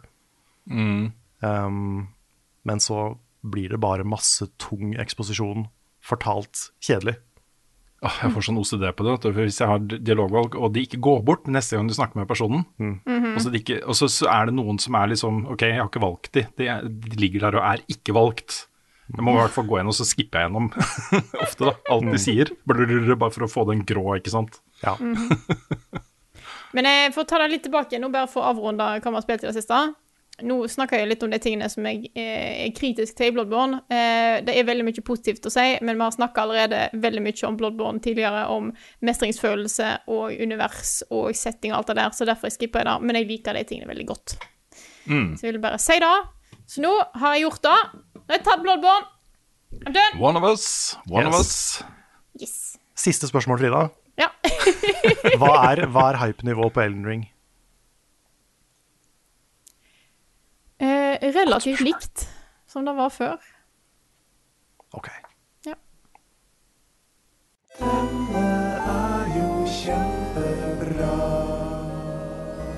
Ukens anbefaling. Rune, hva er det du har på lager av en anbefaling til oss i dag? Ja, Først må jeg komme med en sånn bonusanbefaling, fordi sånn ut av ingenting så fikk vi jo vite i uka som gikk, at fuckings Bob Burnham har lagd en ny special til Netflix Ja. i koronaisolasjon. Og den kommer på søndag. Kommer på søndag, heter Inside. Um, og er, uh, det står i beskrivelsen at uh, denne er uh, skrevet og produsert i koronaisolasjon. Så det var sånn ut av ingenting. Så jeg så opp igjen da, eh, Make Happy for gudene vet hvilken gang nå i går. Mm. Og det, den er så bra, den uh, specialen der. Altså. Det er det. så clever og uh, vondt og morsomt og bra alt på en gang, liksom. Det er en, hvis man tar liksom sine favoritting, altså produksjoner, om det er teater eller kunstverk eller spill eller film eller hva som helst Make Happy av Bob, Burnham er på den greia der, liksom. Av de beste tingene jeg har liksom opplevd i, av entertainment og kunst, da. Så, så jeg ville bare nevne det. Den kommer på søndag. Jeg er klar. um, anbefalingen denne uka er litt uh, uh, Jeg har vært litt usikker på om jeg skal komme med den, fordi um, også, Jeg er en ganske myk mann, og jeg er omgitt av ganske myke menn um, til vanlig. Vi har liksom ganske myke verdier. Uh, Jeg skjønner ikke hva du snakker om. Jeg, jeg er steinhard, altså. Jeg er uh, gruff uh, tømmerhogger. Ja, Vi har en sånn annonse uh, som vi har laget til den podkasten her, som uh, spiller litt på det, da, at vi er ganske myke menn. Ja, vi, vi er det. Ja, Men jeg har også litt sånn behov for sånn derre Sånn man manneprat. Skjønner så Også litt den derre uh, At man bare buser ut med ting. Uh, så lenge det kommer fra riktig sted, og så, så lenge på en måte uh, kjernen i personen er god da, og på riktig side og har de riktige verdiene og sånt, så er, ofte syns jeg det er veldig morsomt. Altså. Eh, å bare si ting som er, bryter fullstendig med det, når man vet at man ikke mener det. ikke sant? Så anbefalingen min er litt sånn. Um, jeg har av forskjellige grunner liksom mista litt uh, de uh, mannemann-nettverkene mine de siste årene. Uh, men nå har jeg funnet en podkast som det føles som jeg blir liksom inkludert i en sånn mannemann-ting. da. Um, og det er en podkast som heter Two Bears, One Cave. Og Det er med uh, Tom Segura og Bert uh, Kreischer. Og de har jo blitt veldig kjent hver for seg som mannemenn. Um, uh, Bert Kreischer har en sånn helt legendarisk historie om hvordan han uh, havna på ru russisk klasse på universitetet. Um, og var, Utgangspunktet var at hun læreren hadde 13 elever, men hun trengte 14 for å kunne ha den klassen. Så da han innså liksom etter tre timer da, at um, vet du hva, det er jo russisk, det er ikke spansk, som han trodde det var, og hadde tenkt å forlate klassen, så sa liksom læreren hans at uh, vet du hva, du kan få bli her, du trenger ikke å Jeg kommer til å gi deg C, liksom. Uh, bare vær her. Gjennom dette her, så, så får du en C. Så det havna jeg da på en tur til Moskva, litt til Russland, da, hvor han ble bestevenn med russiske mafiaen. Og det er, det er helt legendarisk, den historien også. Den er så bra. Den er så bra. Han kommer inn til liksom OK. Uh, det er der han får kallenavnet The Machine, ikke sant? og da vet du litt hva det er snakk om, da. Men de sitter liksom da i den podkasten sånn, de sitter bare og prater om ting de har lest i nyhetene og, og sånt, og er standup-komikere og har en sånn spinn på alt, da. Som er, uh, innimellom i hvert fall, bare så utrolig morsom.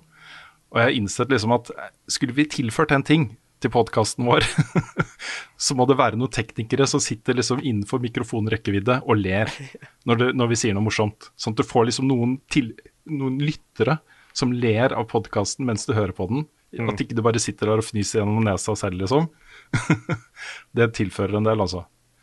Så um, av og til så beveger de seg over i liksom temaer som um, um, de, de går aldri over den grensa, liksom. Den der, nå går de for langt. Men det er liksom vi vaker litt i det.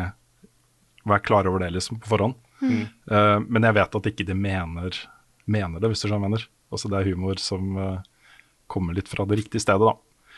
Så um, uh, ja.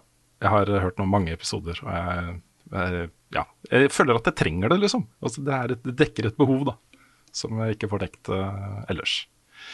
Så um, det er min anbefaling, egentlig, for uh, uka her. Uh, two Bears, One Cave. Det er et veldig, veldig maskulint navn på en podcast. Ja, ja, ja. Ja, men de spiller jo litt på det òg, liksom. Der jeg, jeg sendte dere et uh, klipp som en sånn forberedelse hvor, hvor det kommer fram da, at, uh, at uh, Kreischer sitter der og drikker liksom en svær megaflaske med Med, uh, Med Kool-Aid. Kool-Aid, ja. Og de har jo latterkrampe i sju minutter. Det er bare So much sugar! Folk tror det går å drikke vann og være så sunn, og så er det Kool-Aid! det er veldig artig, altså. Det er veldig gøy. Så um. Min anbefaling denne uka er, eh, er det. Her kommer nyheter med Rune Fjell-Olsen, og han har ikke hår.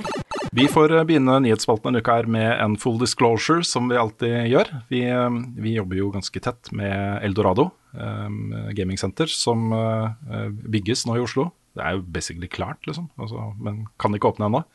Uh, er tett involvert. Vi lager en dokumentar uh, om oppussingen, og så skal vi også ha liveshows der uh, når de åpner fast. Så folk vet det. Men nyhetssaken er jo da at nå skal de åpne over sommeren. tentativt august så begynner det å skje ting på Eldorado. og det kommer til å ha stor innvirkning på oss, i og med at vi da begynner å ha disse liveshowene våre. og jeg vet det er mange som gleder seg til å få, få det åpna. Så, så, nå er det ikke så lenge til. Eh, I august begynner det å skje ting der. Eh, og i den forbindelse har de også eh, gått ut nå med en stillingsannonse hvor de ser etter masse deltidsansatte. Um, på kveldstid og uh, til arrangementer og alt mulig rart.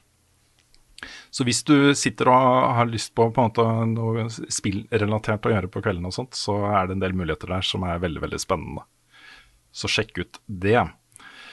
Uh, vi går videre til uh, flere norske nyheter. Uh, fra i dag, da fredag klokka 18.00 til søndag klokka 20.00 så kjører våre venner i Nerdelandslaget en kontinuerlig livestream til inntekt for Mental Helse Ungdom. Og snakk om viktig tema, folkens. Mm -hmm. er, vi har snakka en del om sånn Skulle vi gjort en charity-stream uh, sjøl, så er jo det på en måte det temaet som har ligget liksom og vaka på toppen av ting vi mener er viktig å ta tak i. da. Ja, ja mental helse, mobbing, sånne type ting. Ja, ja, herregud. Så der er det masse aktiviteter og eh, masse kjente mennesker som kommer innom og spiller forskjellige ting. De spiller jo bl.a. Sånn Night in the Woods og uh, Hellblade og ting som er knytta til temaet også. Uh, men det kommer til å bli en, uh, en stor og viktig begivenhet. Det er jeg helt sikker på at de kommer til å samle inn sjukt mye penger. Så vi kommer til å sette vår Twitch-kanal på host uh, av den streamen. Um, ja. Og oppfordrer folk da til å stikke innom og uh, være med på, da, på dette her. Mm. Mm. Så veldig bra. Vi har også denne uka her hatt uh, da full lansering av et spill vi har snakka sjukt mye om, og også lagd mye innhold om. Conan Exiles, Isle of Sipta. Det stemmer. Har fått uh, sin fulle lansering. Den, det var i går, torsdag. Um, hvor det da også for første gang er nå tilgjengelig på PlayStation 4 og Xbox One. Og også da de nye konsollene, men da ikke i next gen-versjoner. Så det er sjukt spent på um, uh, hvordan den lanseringen går. Det er jo viktig for norsk spillindustri. Vi har jo snakka om Mørkredd, som vant uh, denne prisen uh, tidligere i episoden. og i og med at dette spillet nå er ute til full lansering, kan hende at det kanskje også vil være et av de spillene som det skal stemmes over neste år i Nordic Game Awards. Så Mm. lykke til til Funcom der. Mm. Vi tar en uh, norsk nyhet til før vi går videre til uh, mer internasjonale nyheter. Uh, det er nå Festspillene i Bergen, og der skal det være en spillkonsert, Frida. Ja, den heter Let's Play. Den skal være i morgen lørdag 29. mai. Og den er både fysisk klokka seks og digital klokka ni på kvelden. Så der ligger det billetter ute. Så ta og sjekk ut da hvis du er interessert. De skriver at det skal være musikk fra Zelda, World of Warcraft, Assassin's Creed, Pokémon, Halo, Tetris og Super Mario, blant annet. Nice. Hei. Og så er det en sånn der medvirkende liste her med en del hey, musikk av lista, og der står det ganske mange kjente navn. Eh, Det står kun etternavn, så Kondo og Uematsu, blant annet. Så det er Sweet. noe kjent, kjente, kjente folk her, så jeg eh, tror jeg skal få, få en billett der og sette det på storskjermen hjemme og kjøre musikken på fullt. Det er ikke helt det samme som å sitte i salen når det er orkestermusikk, men det er i hvert fall noe. Så ta og sjekk ut da, hvis du er interessert. Eh, det har vært ganske mange kule spillmusikkonserter rundt omkring i Norge de siste årene. Kjempestas. Jeg, jeg sier mer klassisk musikk og, og, og symfoniorkester til folket, sier jeg. Ja, ja, Eh, Men jeg er jo kanskje litt biased. Yes. Vi var jo på en sånn konsert i uh, Oslo, i um, Ja, eh, score. podcast. Ja, stemmer. Også vært i, på Kilden i Kristiansand på en eh, sånn spillkonsert. Stemmer. Det er ganske Play to ganger. Nettopp. Det er ganske magisk også å høre livefremføring av eh, musikk man kjenner så godt fra spill. Så, eh, det er verdt å få med seg. Rett og slett. Det har vært et, eh, en sånn internpresentasjon i eh, Sony, hvor det har dukka opp opptil flere nyheter. Blant annet så sto det på den lista at eh, det neste PC PlayStation-spillet som kommer ut, er um, uh, Uncharted 4. Så, så det kan skje. Men uh, det har også blitt kjent da, at uh, kvinneandelen av PlayStation konsolleiere har økt dramatisk um, de siste årene. Eh, og på PlayStation 1 så var det sånn at 18% av de som eide en PlayStation 1-konsoll, og hadde gått ut og kjøpt en konsoll til seg selv, var kvinner. Nå er tallet, da, når, du- når du tar PlayStation 4 og PlayStation 5, på 41 Og det er kjempebra. det er kjempebra. Jeg har eh, fulgt med en del sånne Twitter-diskusjoner rundt det tallet. Eh, Og det er helt åpenbart at det kommer veldig sånn bardus på mange. Fordi det snakkes da om fra utviklere, eh, og de er litt forsiktige med å nevne hvilke spill det gjelder og hvilke selskaper det er. Eh, Men da fra utviklere som har sittet i diskusjoner om, eh, om representasjon da, av spillfigurer f.eks. i store, kjente spill, hvor det helt, helt i, oppe i dagen er sånn nei, vi kan ikke ha kvinnelige rollefigurer, fordi eh, da mister vi så mange spillere. Det er ikke nødvendigvis noe vondt som ligger bak, men det er en sånn business decision som de har følt har vært riktig. da. Men det kan man jo ikke si når andelen er 41% Det går jo ikke. Nei. Nei, sant. Det er helt sant. Og det er jo så mange historier om f.eks. coveret til The Last of Us. For der eh, måtte de jo Det var vel, det var vel krav om at Joel skulle være frontperson, eh, front and center på det coveret. Mens Ellie fikk, lov, fikk så vidt lov å være i bakgrunnen, liksom. Så det, det fins såpass mange historier med da eh, Jeg vet ikke om det er, er det CEOs, er det pengefolk, er det produsentene, jeg vet ikke, som krever at spill skal appellere spesifikt til en viss kjønns- og aldersgruppe. Mm. og hvis ikke det gjør det, så får de liksom ikke da, da får de ikke gjennomslag. Jeg tror ikke jeg skal nevne hvor sint jeg er her, jeg. Jeg tar bare ikke gjør det for, eh, for eh, PG-13-rating hele tiden. Ja, men vær, vær sint, Frida. Det er Ja, det på er sin lov, plass. altså. Det er på sin plass. er, ja, det er noe dritt. Jeg syns det, det er helt hårreisende. Eh, og spesielt når det kommer med ting liksom at nei, du kan ikke ha kvinnelig hovedkarakter, for da kan ikke folk leve seg inn i hovedkarakteren lenger. Jeg er bare sånn, ja, OK, ja, knall. Ja. Knall Du har for aldri 50 klart å Nei, du har aldri klart å leve deg inn i noen karakterer noen gang, Frida. Jeg har rett og slett mista alt jeg med spill. Ja. ja det. Det er trist. Det er vanskelig. Det er rett og slett forferdelig. Grusomt! Åh, nei, jeg blir, så, jeg blir, jeg blir litt for sint. Uh, så yes. Skal ikke henge meg altfor mye opp i dette. Men det, det er kjempebra også at vi faktisk får tall på det. Da liker jeg så Mm. godt, for da kan du på en måte peke på at se på dette her. Det er 41 eh, av konsollene som er solgt, har gått til kvinner som skal ha den kontrollen for seg sjøl og spille for sin egen del. Ja. Mm. Ja, ja for det er veldig bra. det, det viktigste med dette her er jo det at nå har man et godt argument til alle disse folka om at du trenger ikke lenger å spesifikt rette deg mot det stereotypiske gamer-publikummet, sånn som det blir sett på, eller har blitt sett på i mange år. da. At nå er det et stort og variert publikum for spill. Mm. Og da, da er det ikke noe vits å drive og bare pandre til den ene målgruppa. Det er eh, helt riktig, og det er en eh, sånn ting som det er fullt lov til å bli eh, oppgitt og sint over. Men jeg føler at spillmediet er inne i en veldig god uh, endring nå, Ja. som har pågått over mange år. Hvor, uh, hvor uh, eh, resten av verden gjenspeiles i mer korrekt grad. Ja, vi prata om det senest her om dagen, at når man går tilbake bare noen få år og ser at alle spill hadde en mannlig hovedperson med buzzcut, eh, og bare det ja. Sant? eh, Det har skjedd veldig mye på veldig få år. Absolutt. Og det er Mm, veldig det lite som gjør meg aktivt sint i, eh, liksom, i nyere tid med spill. og sånt. det er bare når det kommer disse argumentene som helt klart ikke har noe hold i virkeligheten, så gjør det meg litt sånn annoyed. Det er sånn, det blir mindre og mindre riktig, og det har egentlig aldri vært riktig heller. Nei, det er helt sant. Så ja, det er eh, bra få sånne, sånne tall litt fram i lyset. Det er veldig bra. Yes. Og da blir det litt sånn Segway, fordi eh, nå får vi jo da en mulighet til å se om denne eh, positive eh, utviklingen fortsetter. Vi er rett foran årets etere, som eh, er selvfølgelig heldigital i år. Eh, men det vil være en del store pressekonferanser, og det er lovet mange store nyheter. om både spill vi ikke har hørt om før, og spill vi har lyst til å høre mer om. Og rykter og alt mulig rart. da. Jeg så de har lagt ut nå liksom muligheten til å registrere deg som presse på årets setere, og det skjønner jeg ikke helt vitsen med, for alt dette skal jo livestreames fritt tilgjengelig Det er et eller annet de, de, Jeg husker ikke nøyaktig hva det er du må registrere deg for, men det er vel noe sånn lukka lukka digitale events. Jeg vet Ja, Og da er det helt sikkert. Ja, jeg, jeg må ha en bedre oversikt over hva det hadde medført i så fall. fordi eh, det har jo kommet fram tidligere at, eh, at arrangørene av etere sitter jo med brukerdata og bruker det kommersielt eh, på andre måter osv. Så, videre.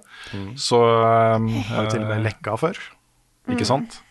Så, så jeg har ikke helt sett behovet for å registrere meg som presse der i år, da. Men så får vi se da, hvis det plutselig dukker opp at nei, de som var det, de fikk jo sitte og intervjue um, eh, masse folk, liksom. De fikk tidlig kode av Eldring. Ikke sant? Samme ting. Så kan det hende at jeg gjør det neste år, da. Men neste år er det vel kanskje, om ikke det er dødt, så eh, er det vel fysisk til neste år, vil jeg tro. Men uansett, da. Det kommer jo nå eh, masse dryppfolk. eh, sånn som det har vært de siste årene, så har det liksom i forkant av etere, så begynner det liksom Ok, vi klarer ikke å vente helt med den nyheten her. Vi vil ikke at den skal drukne i alt det oppstyret som er på etere, så vi begynner å slippe ting nå, vi.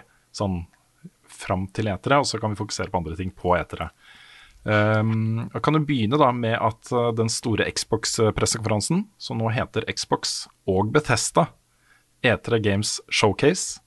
Uh, datoen på den er klar. Det blir da 13.6 klokka 19.00 norsk tid.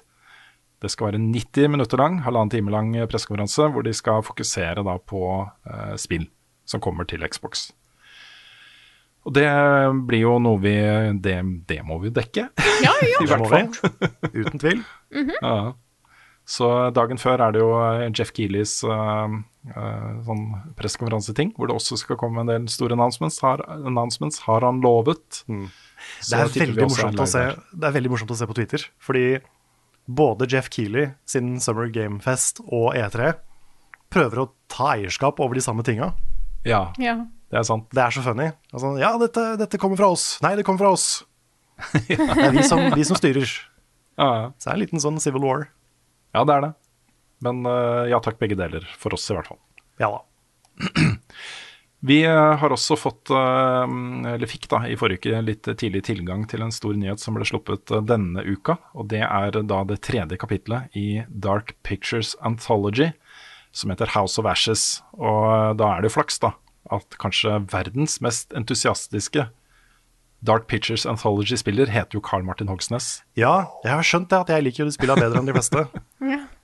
Det er, øh, jeg er ikke den eneste fanen, men, øh, men jeg ser jo at jeg har vært litt, litt snillere med scores der enn enn det mange andre har vært. Men når man ser de anmeldelsene dine, så skjønner man jo hvorfor. Altså det, det, jeg skjønner veldig godt appellen disse spillene har til deg. Også Ja. til meg. Vi spilte jo den forrige sammen. Sant? Den var kul. Og her tar det jo en veldig spennende uh, ny retning, føler jeg da. Altså alle disse tre uh, episodene her har jo sin egen tematikk og sin egen historie og sitt eget rollegalleri og osv. Ja, og så tar det jo inspirasjon fra virkeligheten og Altså Mm. ikke nødvendigvis uh, ekte historier, men, men ekte myter og, og sånn, da. Mm. Så du har jo den første, Man of Medan, handla jo om et spøkelsesskip. Som Mm. også er basert på et ekte skip, så vidt jeg skjønte. Eh, neste spillet handla jo om eh, The Salem eh, Witch Trials og sånne type ting. Ja. Så de er jo innom historie og er innom eh, ekte ting. Og forteller eh, veldig klassiske spøkelseshistorier basert på de. Og da dette tredje kapitlet, som da heter eh, eh, House of Ashes Jeg syns dette er litt interessant også, for de har vært nettopp gjennom en ganske stor og vond diskusjon om uh, uh, dette spillet Last Days in Fallujah. Six, six Days in Fallujah. Six Days in Fallujah, hvor kritikken da gikk på um, en sånn heltedyrkelse av uh, amerikanske tropper som valser inn i Irak og uh, begår krigsforbrytelser, basically. Eh, I hvert fall eh, Det er ikke bare gode grunner til at de er der, da. Og ikke bare um, rettferdige ting som skjer med den invasjonen. Det som jeg syns er litt interessant med House of Ashes, for den foregår da også under Irak-krigen, er at når du bare ser de åtte minuttene uh, som de har presentert da, av gameplay, så får du et inntrykk av at tematikken her er litt basert på, på det. At her kommer det en gjeng med amerikanske ungdommer, altså unge voksne, valsende inn i et land med ekstremt rik kulturhistorie. Um, som, uh, som på en måte bare i mange tilfeller blir ødelagt. Eh, hvor da på en måte den kulturhistorien tar litt hevn, da, eller kjemper tilbake eh, mot denne invasjonen. Ja. For de havner jo ned i en sånn veldig mystisk, dypt mørkt hull, hvor det er liksom rester av noe eldgammelt. Eh, og så eh, tar, jo, eh, tar det jo litt av derfra. Ja. ja, det er jo fire eh, amerikanske soldater og én irakisk soldat, er det ikke sånn? Jo, det, det mener jeg stemmer. Som er hovedpersonene. Um, Og jeg kan veldig lite om myter fra Midtøsten, så det er ganske spennende setting. Mm. Veldig Også- spennende. Ja, og så håper jeg jo at de uh, går litt inn på de nyansene der. At uh, kanskje ikke de uh, ungdommene er de, de, de mest heltemodige hovedpersonene i spill noen gang, f.eks. Det virker som om de har litt forskjellig utgangspunkt, eh, de rollefigurene de har valgt. Hvor noen er eh, veldig sånn eh, Nei, her- dette burde du ikke forstyrre. Og andre er mer sånn eh, USA. Ja, Guns Blazing. Ja. Men det er jo en sånn kort sekvens fra den første traileren hvor de uh, rett ut sier liksom at nei, vi har blitt lurt. Dette er bare uskyldige sivile. Ja. Og så havner de i dette hullet og sånne ting. da. Så de anerkjenner jo på en måte den siden av, eh, av problematikken da, rundt, eh, rundt det som skjedde, skjedde der. Mm. Eh, men først og fremst er jo dette tilsynelatende, i hvert fall, ut fra de, det man kunne se, veldig skummelt. ja. Det er jo sånn, det er litt derfor jeg liker det òg, de spillene her. De er veldig sånn Ja. campy, klisjéfylte skrekkspill. Og det er så um, klisjéfylt at det på en måte blir litt mindre skummelt, da. Mm. Men likevel gjort bra og levert med en sånn genuin eh, entusiasme, på en måte. Mm.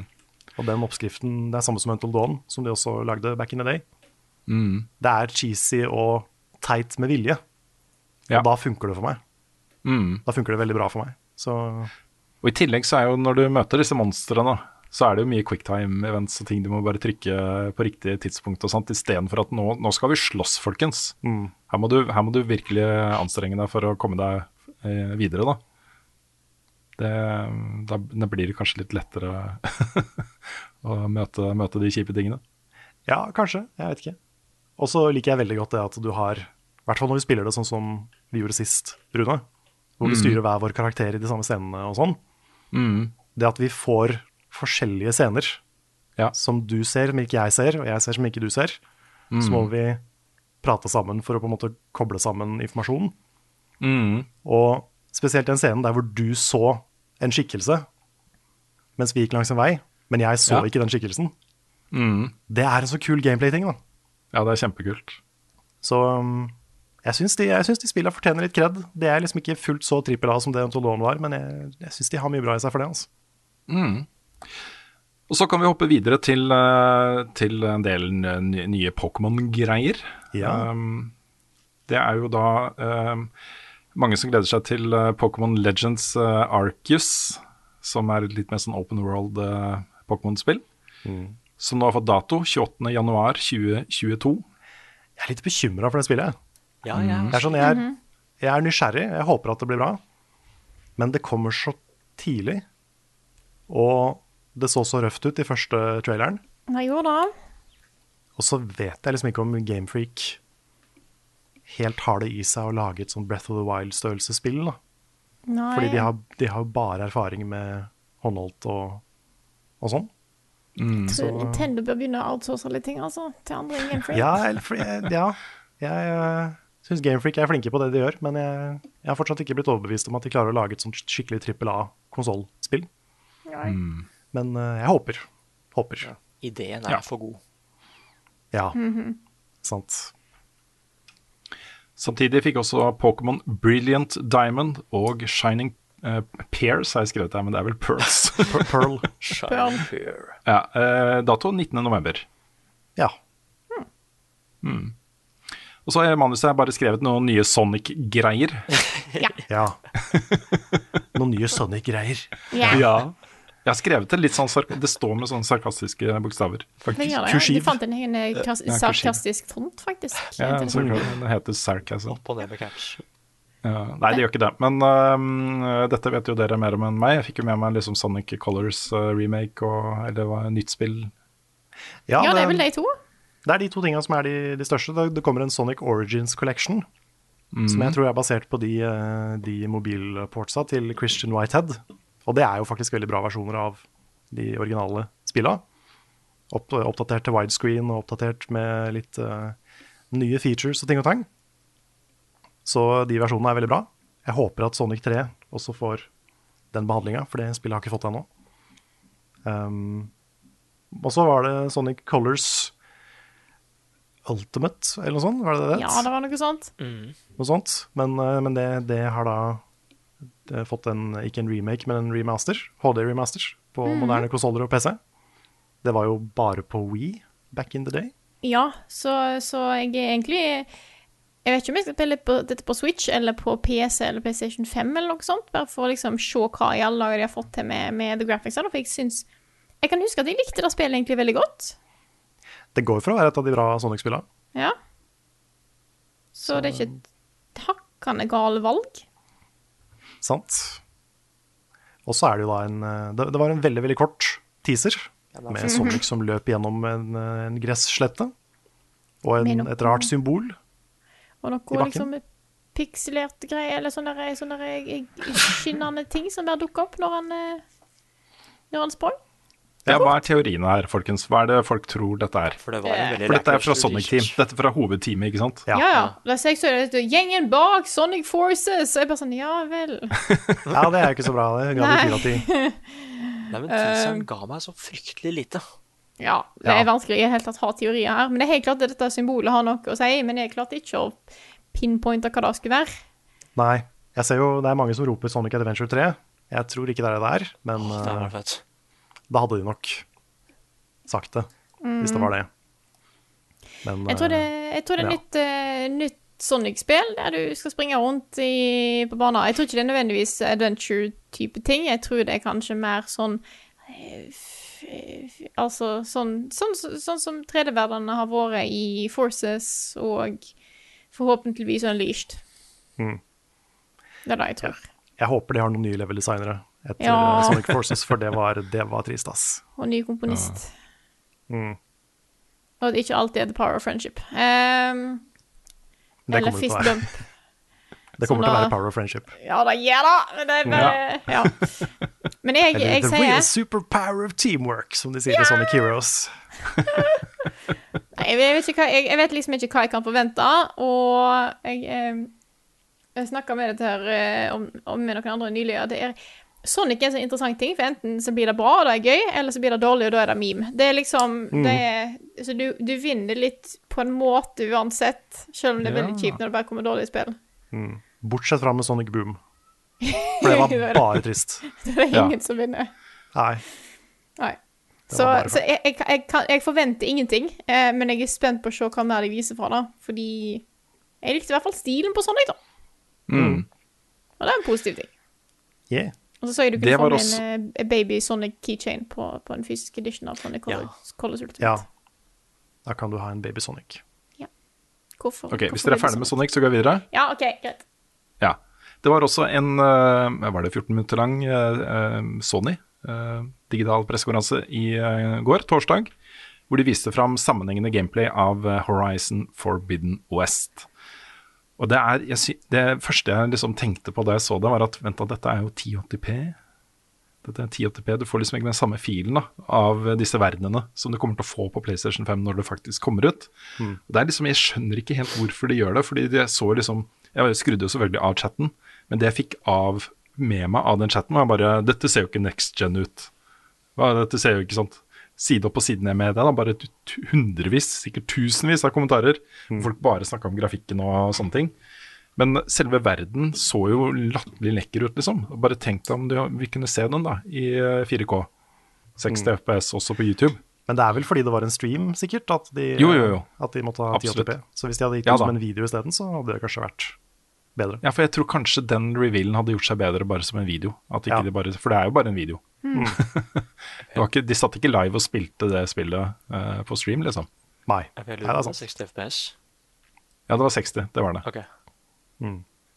Men, uh, men uansett da, så fikk vi jo se en, en ganske lang sekvens hvor uh, de introduserte litt av den nye uh, gameplay-mekanikker og sånt. Hun har for eksempel nå en sånn umbrella-ting. Breath of the Wild-ish. Det var kult. liksom, En ja, det var kjempekult. Ja, Ja, og det var jo mitt ønske nummer én, egentlig. Mm. Det er sånn, Hvis det er én ting dere skal lære av Breath of the Wild, paraglideren. Mm. -hmm. Og så husker jeg at jeg reagerte litt på at, eh, at eh, Aloy hadde jo dialog mens hun var under vann, og da pustet hun. Og så Hun Ja. snakker jo inni seg, men hun hadde sånn sånne der, øh, anstrengelseslyder og sånne ting liksom, mens hun svømte under vann. Ja.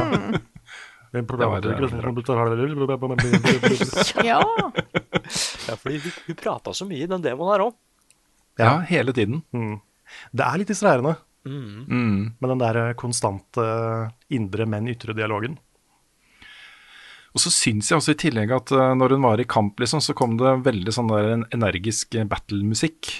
Det også syns jeg var litt forstyrrende. Så det var en del elementer i den eh, demoen som, eh, som eh, jeg ikke var sånn superfan av, egentlig. Men vi får jo masse nye settinger her, og nye abilities og nye monstre og nye historiegreier og alt mulig rart. da. Så jeg er ikke noe mindre gira på spillet enn jeg var uh, før den visningen, i hvert fall. Nei, jeg ble, jeg ble mer gira. Jeg syns combaten så veldig kul ut. Selv om Mm. det er ganske likt som det første spillet. Men det var noe med bare det å se det litt mer modernisert. Se, det, se fargebruken var utrolig pen, syns jeg. Ja, Det var, det var flott. vakkert å se på. Og så syns jeg det så ut som at ansiktsanimasjoner og sånn var en god del bedre. Mm. Og det, jeg håper jo det gjelder store deler av spillet, og ikke bare action set pieces, liksom. Mm. Fordi eh, det var en del sånn Canny Valley-animasjon i det første Horizon. Ja, noe i hvert fall. Mm. Jeg merka litt av det her òg, men ikke i nærheten av like mye. Nei. Så um, det ser ut som de har på en måte raffinert og forbedra det som var der. Og Mm. det, det er spennende. Og så syns jeg også eh, det var litt kult også å se at historien nå flyttes til, eh, til landemerker vi kjenner fra uh, vår verden. At du plutselig så broen i San Francisco. At det ble enda litt mer knytta til vår verden enn det var i det første spillet, som var litt mer sånn generiske. Her er det høyhus-type Ja. ting. Så ut som vi skal til eh, Hollywood, omtrent. Ja, vi skal på vestkysten, så jeg, jeg tipper det at vi får se liksom både eh, Los Angeles og San Francisco og en del av de tingene som man kjenner fra vestkysten i USA. da. Mm. Eh, det syns jeg var et godt grep. Oh yeah. Jeg eh, ble også fullstendig fjetra av eh, den lange gameplay-demonstrasjonstraileren fra eh, Dying Light eh, 2, Stay Human, som også ble sluppet i går. Det var jo på en måte gameplay-revealen. Vi fikk jo se liksom det som skulle være en representasjon av gameplay første gang de viste fram også. Men nå var det på en måte faktisk gameplay da, fra, uh, fra dette spillet. Og det var litt spesielt også, for i starten så syns jeg at dette ser litt sånn generisk ut. Det er zombier, på en måte. By. Jeg har sett dette før. Men jo mer jeg så av den traileren, lenger ut i den kom med den, så jo mer gira blei jeg, da. Fordi eh, de fikk jo skikkelig vist fram den derre um, Mirror's Edge-inspirasjonen i spillet. Hvor du er, du er i førsteperson, men det er utrolig mye parkour. Mm. og miljønavigering og sånne ting. Og mye på toppen av hustakene og fra liksom, hus til hus og uh, stenge deg i ting og, og, og sånt. Um, og du kunne bruke liksom parkour til å både slåss og til å slippe unna da, fiender. Uh, der var det mye gøy også. Uh, og den andre tingen som jeg syns var dødstøff, og det er litt sånn The Division-lignende, da, uh, hva er det Dark Zone det heter, i The Division, hvor det er jo sånn på natta så kommer jo alle zombiene og monstrene kommer jo da ut fra hulene sine og gjemmestedene sine. Men da er det jo ikke så mange monstre som er igjen i gjemmestedene deres, ikke sant? og der er det lut. Ja. Eh, Så på natta så kan du liksom snike deg inn i disse lairsa og finne liksom Det var en sånn ordentlig loot-kiste. Sånn svær loot-kiste hvor det er bra greier, liksom. Men tenk når zombiene kommer hjem da på morgenen og bare «Åh, Ja, ikke Har tatt alt og tatt alt da vi har hatt eier og har. ja. ja. Altså det så stilig ut. Eh, og så er det jo Dette spillet er bygd opp rundt factions. Hvor eh, denne byen her er det liksom mange forskjellige factions, og du kan velge da hvem du eh, allierer deg med. Eh, og så vil liksom hele opplevelsen din bli forma av det. Så mm, ja, jeg tror det kan bli bra, jeg, altså. Rett og slett. Vi har jo ikke fått med oss et annet E3-drypp. Eh, Sånn pre-drypp. Er det lov å si? Å, det var litt bra. eh, Den, eh, den gikk grei helt fram til du kommenterte den, faktisk. Ja, ikke sant. Ok. Jeg går videre, men uh, i ettermiddag så kveld så er det jo uh, Far Cry 6 gameplay reveal. Vi tenkte at ok, det å spille en podkast og vente da til lørdag morgen, med å spille den inn var ikke aktuelt, dessverre. Så den får vi da ikke kommentert her. Men den gleder jeg meg til å se. Vi har også fått en egen liten sånn der, eh, Dragon Quest digital pressekonferanse, hvor de eh, eh, både eh, snakket litt om, uten å vise, eh, snakket litt om Dragon Quest 12, som de sier skal bli laget for en litt eldre målgruppe enn de tidligere Dragon Quest-spillene. De kommer til å reworke combaten. eh, det blir litt mørkere tematikk og den type ting. Eh, men tipper jo at kjerneopplevelsen vil være ganske lik. da. Og Dette er en serie som har på en måte fått stadig flere og flere eh, fans, særlig i Vesten. da. Den har jo vært populær i Japan kjempelenge. Men jeg føler som at for hver nye utgivelse i den serien, så har det kommet til noen nye. da. Nye fans fra vår eh, del av verden. Så eh, dette er eh, kanskje da, det første liksom, Dragon Quest-spillet som kan få en sånn full blockbuster treatment av utviklerne. Yeah. Hvor de vet at her har vi mye fans i Vesten, vi kan satse skikkelig på dette her, liksom. Det er spennende. Ja, det forrige spillet beviste liksom det, ja. Mm. Vi har også, fikk også se da at de kom med en, eh, en remake av Dragon Quest 3. Som er litt den derre uh, Zelda eh, um, Jeg tenkte, på, jeg tenkte på Octopath Traveler. Ja, Ja, fordi det er lagd i samme engine. ja det mm. så, så veldig ut som det. Det, det så dritpent ut. Ja, det jeg mener er at det er en kombinasjon av på en måte litt sånn moderne uttrykk med uh, old school Ja. gameplay og sånne ting. Links Awakening, tenker du på? Ja, Links Awakening var det jeg tenkte på. Det er jo ikke så colorful, liksom, men eh, at det er litt den samme filen. da. Men det er et litt rart valg òg, for det er jo faktisk en trilogi, liksom. Ja. Slutten av en trilogi. Hvis jeg husker rett. Så den er litt interessant. Hm. Men det, det så kjempepent ut. Ja, jeg håper de første Final Fantasy-spilla, 1 til 6, får den samme behandlinga en gang. Oh, det er crazy. Fordi mm. Octopath, den Octopath-stilen er fin, altså. Jeg ble bitte litt skuffa over at vi ikke fikk eh, se et nytt Dragon Quest Builders. For det er også en sånn serie som uh, uh, har vokst voldsomt fra liksom, det første til det andre spillet. Og jeg har spilt eh, Dragon Quest Builders eh, 2 en del, og det er en det er en sånn gavepakke til uh, særlig barn, da. Um, hvor du kombinerer litt den derre eh, JRPG-eventyrfølelsen med Minecraft. Og bygging og ressurshenting og kreativitet og alt dette her. Um, og der er det også mer potensial. Det, de kommer helt sikkert til å komme med Dragon Quest Builders 3 en gang. Så har um, Da er vi litt over ute av minietere, som dette føles litt som det har vært. Uh, Randy Pitchford uh, i Gearbox har vært ute på Twitter og sagt at de vil Folkens, nå kommer crossplay til Borderlands 3, men ikke på PlayStation. Der måtte de fjerne uh, crossplay fra PlayStation etter krav fra Sony, Oi, sa han da rett ut, liksom. Ja. Så det har jo skapt en ganske stor uh, diskusjon da, om eh, Sonys forhold til eh, crossplay. Og ehm, eh, eh, det er bra at det løftes. At det ikke det bare er sånn der, eh, som intern informasjon. da. Eh, at han går rett ut og sier, eh, sier det. Så vet folk det, så kan de forholde seg til det. Kom ikke det også fram på den Epic versus Apple-saken om at eh, Sony skulle ha ganske mye penger for å åpne crossplay? Stemmer det. Så det, ja. Og så har vi et par eh, saftige rykter til slutt i uh, nyhetsspalten.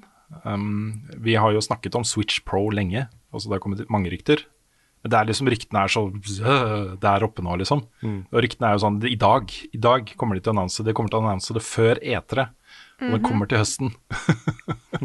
Jeg har tro på deg. sånn Ja, jeg, jeg også har tro på det. Det er ja. ganske mm, troverdige kilder som hevder dette her nå. Og I tillegg da, så uh, har det blitt datamina ut et nytt emblem i uh, Destiny 2. Som eh, heter noe sånt som Going Portal. Og som har sånn shapen til det som ser ut som en håndholdt uh, konsoll.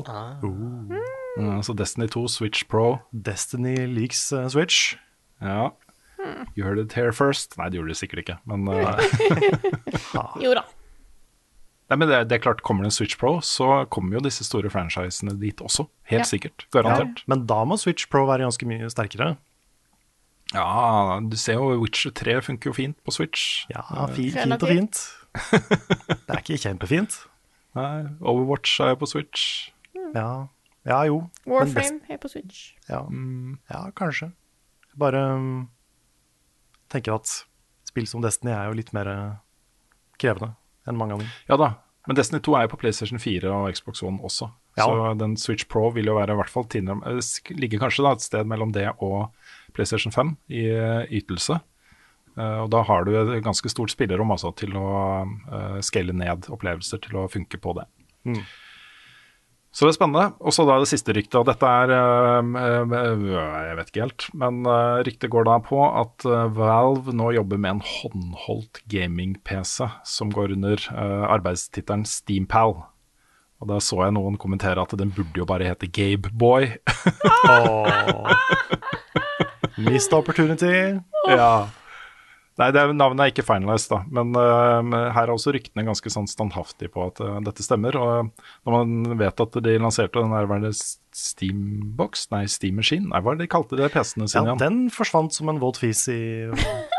Ikke sant? Og det gjør jo også at man ok, ja det er et hot rykte, men eh, kommer den til å selge, liksom? men ryktet er da at det vil være en eh, Switch-lignende håndholdt eh, spill-PC. Ja. eh, med faste Altså du skal ikke kunne ta av de kontrollerne. Men, men du kan sikkert koble til andre kontrollere hvis du vil.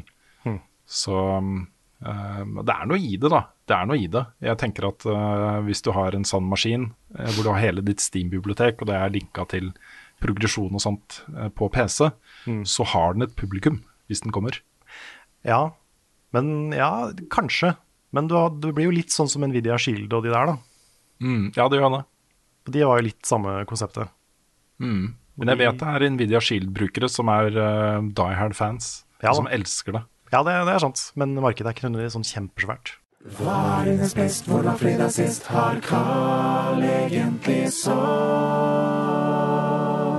Ukens spørsmål. Da er vi klar for spørsmål, og vi starter med et spørsmål fra Steamrollerman, som skriver Hva tenker dere om Dreamworld? Vil det kunne bli det siste spillet en trenger å kjøpe? Det er iallfall interessant å følge med på utviklingen av det, og dette er et spill vi ikke har så mye kjennskap til, så Rune har sjekka det opp. Ja. Hvorfor? Ja, Ja, hva, nei, altså- hva er Dreamworld? Ja, for når jeg fikk det spørsmålet, så var det sånn eh, What? Eh, så jeg begynte å google litt og g- grave meg ned i det som viser seg være et litt sånn kaninhull av eh, mye greier. Eh, dette her var en kickstarter-kampanje hvor utgangspunktet var at vi skal lage alle spill. Vi skal lage et massivt MMO for uh, tusenvis av mennesker uh, samtidig, hvor man kan bygge også. Det er Minecraft og det er alt, liksom. Det er alt i en pakke. Um, de uh, nådde målet sitt, som jeg tror var på bare 50 000 dollar eller noe sånt. Og liksom alt skriker sånn derre armchair developer-type ting, da. Og så, ja, dette høres ut som på en måte noe som hadde vært gøy å gjøre, men klarer de å gjennomføre det? Og bare fra kickstarter-greiene som jeg så, så var det sånn nei, det gjør det ikke. Og nå er det da ute en alfa som folk kan teste, da. Som er i liksom to bilder i sekundet ca. Um, masse bare sånn ikke ferdig ennå, ikke ferdig ennå, ikke ferdig ennå. Um, det, det, det ser bare rett og slett ikke bra ut i det hele tatt, og folk begynner å kalle det en scam, da. Oi. Eh, her, er det jo folk som har eh, to stykken, som har uh, henta inn over 60 000 dollar eh, via Kickstarter. Eh, det betyr at det må bli et spill av det til slutt. Eh, men det er, jeg er i hvert fall ikke overbevist om at, eh, om at eh, dette kan bli noe, altså. I det hele tatt, egentlig. Um, Nei. så um, Men det behøver ikke nødvendigvis være en scam selv om de ikke har fått det til. Det er jo mange som går inn i prosjekter med optimisme og pågangsmot, og så bare oi, dette gikk ikke. Mm. Altså, gr grunnen til at jeg ville ta opp det spørsmålet, var rett og slett fordi um, jeg forstår, jeg forstår uh, holdningen til Steamroller Man her. Og det er mange, det er mange tusen mennesker som tenker det samme. At ok, dette, konseptuelt er dette liksom et drømmespill. Um, men jeg vil be folk om å være litt forsiktige da, med å gå inn med støtte her uh, før man vet liksom hvor, uh, hvordan gjennomføringsevnen er til dette teamet. Det er um, uh, Vi har jo litt de samme diskusjonene rundt, uh, rundt uh, Star Citizen, som jo er en helt annen skala igjen. Hvor de henter inn uh, Hollywood-skuespillere og uh, tjener liksom sjukt milliarder av kroner på crowdfunding. Ja. Jeg skjønner ikke helt den måten å tenke på spill på. At du skal lage det liksom ultimate spillet. Det er ingen som sier at de skal lage den ultimate filmen. Nei. Det fins jo så mye forskjellig, liksom. Så hva, hva er på en måte målet ditt hvis du skal lage alle spill på en gang? Hva, hva, hva er det for et slags spill? Mm. Nå har jeg ikke satt meg så mye inn i det her, så jeg vet ikke nøyaktig hva konseptet er, men det høres litt rart ut. Utgangspunktet er litt liksom MMO, altså tusenvis av spillere samtidig. Mm. Og mye mer frihet enn du har i sånne spill som Minecraft. Altså det tilrettelegge for kreativiteten til spillerne selv, da, til å forme det samfunnet okay. uh, som vil da oppstå i denne verden. Tanken er liksom Ja. ikke, ikke dum, liksom. Den er, det er en god tanke. Nei, nei, det er bare rart å kalle det for liksom, nå skal vi lage alle spill. For da, da lager du jo et open world-spill. Det er jo det du lager da. Ja. Nei, Så i hvert fall til til Steamrollerman og alle som eh, lurer, eh, eventuelt. så har jeg kikka på det, jeg har ikke spilt det. Um, men eh, fra utsiden så ser ikke dette veldig bra ut, altså. Sånn, eh, ja. Det er lov å håpe at det er Early Access, og mm. det blir bedre. ja. OK, skal vi ta et eh, nytt spørsmål? Yes. Mm. Eh, jeg kan ta et. Ok. En som begynner, han begynner spørsmålet sitt veldig bra, så jeg vil bare gi en kreds for det. Dette er fra Robert Erlandsen, så han skriver Frida, du som har så god musikksmak! Ja. Det er så fint å høre, eh, siden jeg vet jeg har litt uh, særeg, men det er godt å høre. Han skriver nå har jo Vola kommet med nytt album. Fant de etter å ha fått dette anbefalt på podden. Ja da. Har du andre ba band som Vola og Lepros som det er verdt å sjekke ut? Og jeg har faktisk nesten glemt at Vola har kommet med nytt album, så jeg begynte å høre på det i går. Det er kult. Check it out. Ellers er det jo selvfølgelig det jeg alltid vil anbefale, er jo Thank You Scientist, men du har òg The Deer Hunter. Men det er få ting jeg kjenner til som er likt som Vola, så der er jeg litt usikker på hva retning jeg skal sende deg. Men Thank You Scientist, da slår du aldri feil. Og så har du òg eh, det nye albumet til altså Virus, eh, som Fader, hva det de heter? De heter Haken. Haken er jo òg veldig kule. Så det har jeg òg et album som kom i fjor. Så det er mine, mine tips jeg kom på eh, real quick.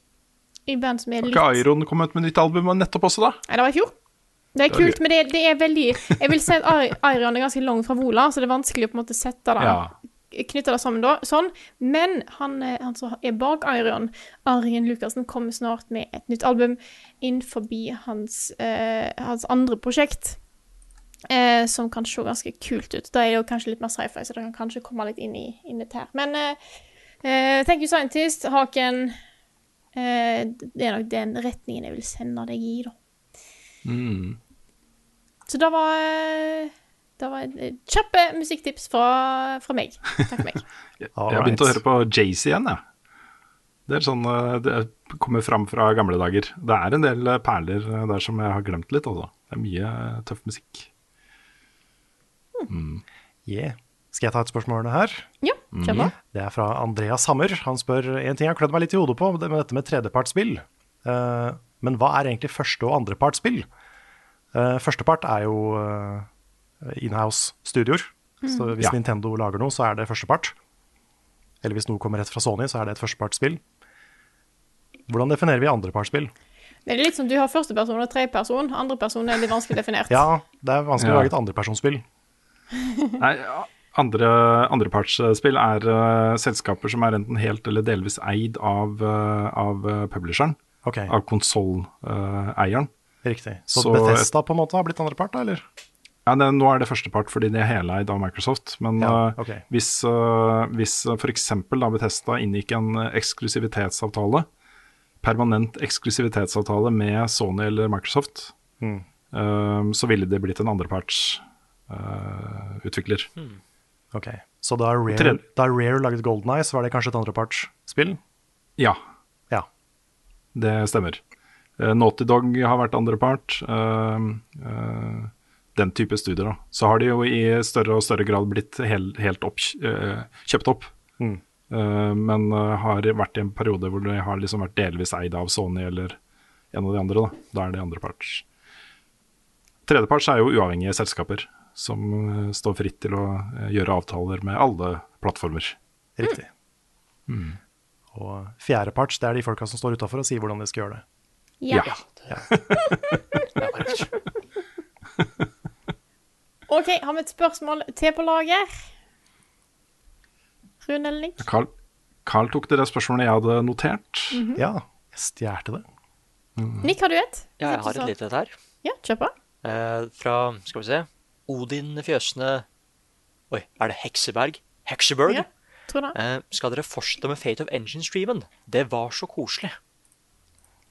Det var Det er fristende Ja. eh, å gjøre det igjen. I hvert fall gjøre lignende ting igjen. Litt sånn uh, brainstorming, game development-stream. Ja. Ikke så mye development, kanskje, men konseptualisering. ja, og jeg har veldig lyst til å liksom bare lage min Tintin. Sånn som jeg ser for meg Tintin. Ja. Det er ikke noe veien for å liksom streame et Photoshop-vindu og sitte og tegne litt og få inn tegninger fra chatten og sånn igjen. Nei, nei. Det, det var jo kjempegøy. Mm. Så, og hvis folk har lyst til å videreutvikle Faith of Engine, så det er jo ikke umulig det heller. Vi har fått mye kult der. Veldig mye stilige tegninger. Ja, ja, ja. Absolutt. Jeg kunne blitt uh, prosjektleder for et uh, old school skytespill, f.eks. Ja. Hva skulle det hett? Wolfengress. Nei, jeg har allerede navnet. da Jeg har allerede et konsept skjønner du, som er kult. Jeg tror jeg har snakka om det før, men det skal hete Død. Død, Med ja. Ø. Åh, Hva handler det om? døden. Ja, men Det er, jeg, jeg kan si da at det er, en, det er inspirert av uh, en kombinasjon av Hunger Games og Cabin in the Woods. Oi! Aha. Og Doom. Og Doom. ja, ja. selvfølgelig. Jeg, jeg vurderte jo å gjøre det med mitt uh, visual novel dating simulatorspill Memento Amore, men eh, så ble det liksom Så ble jeg så knytta til det at det ble mitt prosjekt isteden. Mm. du? Så ja. Men kanskje Faith of Engine. Det er, noe, det er mye å bygge videre på der. Absolutt. Åh, Yeah. nei, jeg lurer litt på Har vi et siste spørsmål, eller skal vi ta en runde av der, eh, kanskje? Vi har snakka lenge nå, så vi runde har av. blitt, blitt en lang podkast. Jeg må Ja. ha lunsj. Da tror jeg kanskje vi tar og runder av eh, der. Så nå da sier jeg at eh, Level Backup er en podkast utgitt av moderne media. Låten i introen og outroen er skrevet av Ole Sønnik Larsen og arrangert og framført av Kyoshu Orkestra. Vignettene er lagd av fantastiske Martin Herfjord. Du finner mye mer innhold fra oss på youtube.com slash levelupnorge. Og det er der òg du kan se denne podkasten her med litt video på, hvis du vil da. Level Up også en Level Up Nord, YouTube.com. Fader. Nord. Ja. Jeg får ikke Det er, det er så mange vi må, det, det er vanskelig når vi har liksom Nord og Norge og sånt. Så må du skjønne at eh, Ja. YouTube.com slash levelupnord. Vi har òg en Discord. Discord.gg slash levelupnorge. Og en webshop. Shop.spreadshot.no slash levelupnorge. Og en Twitch-konto som jeg ikke akkurat nå husker om jeg er Nord eller Norge. Det er nord. Ja, det er nord. Twitch.tv slash levelupnord. Norge går alltid sur her, men da er det noe greit. Eh, Støtt oss gjerne på Patron. Patron.com slash levelupnorge. Eh, med det beløpet du har lyst til der. Hva er det nå? Nei, nei, jeg bare jeg, Det aner meg at vi må begynne å konsolidere litt uh, brukernavn, eller finne en eller annen måte å løse det på. Ja.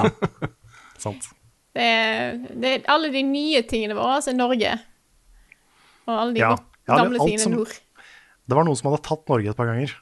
Ja, Det det, er derfor, vi, det er derfor vi har nord på noen av de. Ja. Det er dritt når folk tar navnet ditt på internett. Det er kjempedumt. Ja.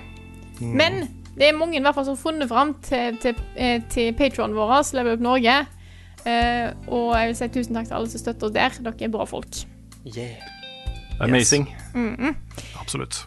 Og med det så sier jeg tusen takk for oss. Takk for alle som har hørt på denne episoden her. Og så snakkes vi igjen neste uke.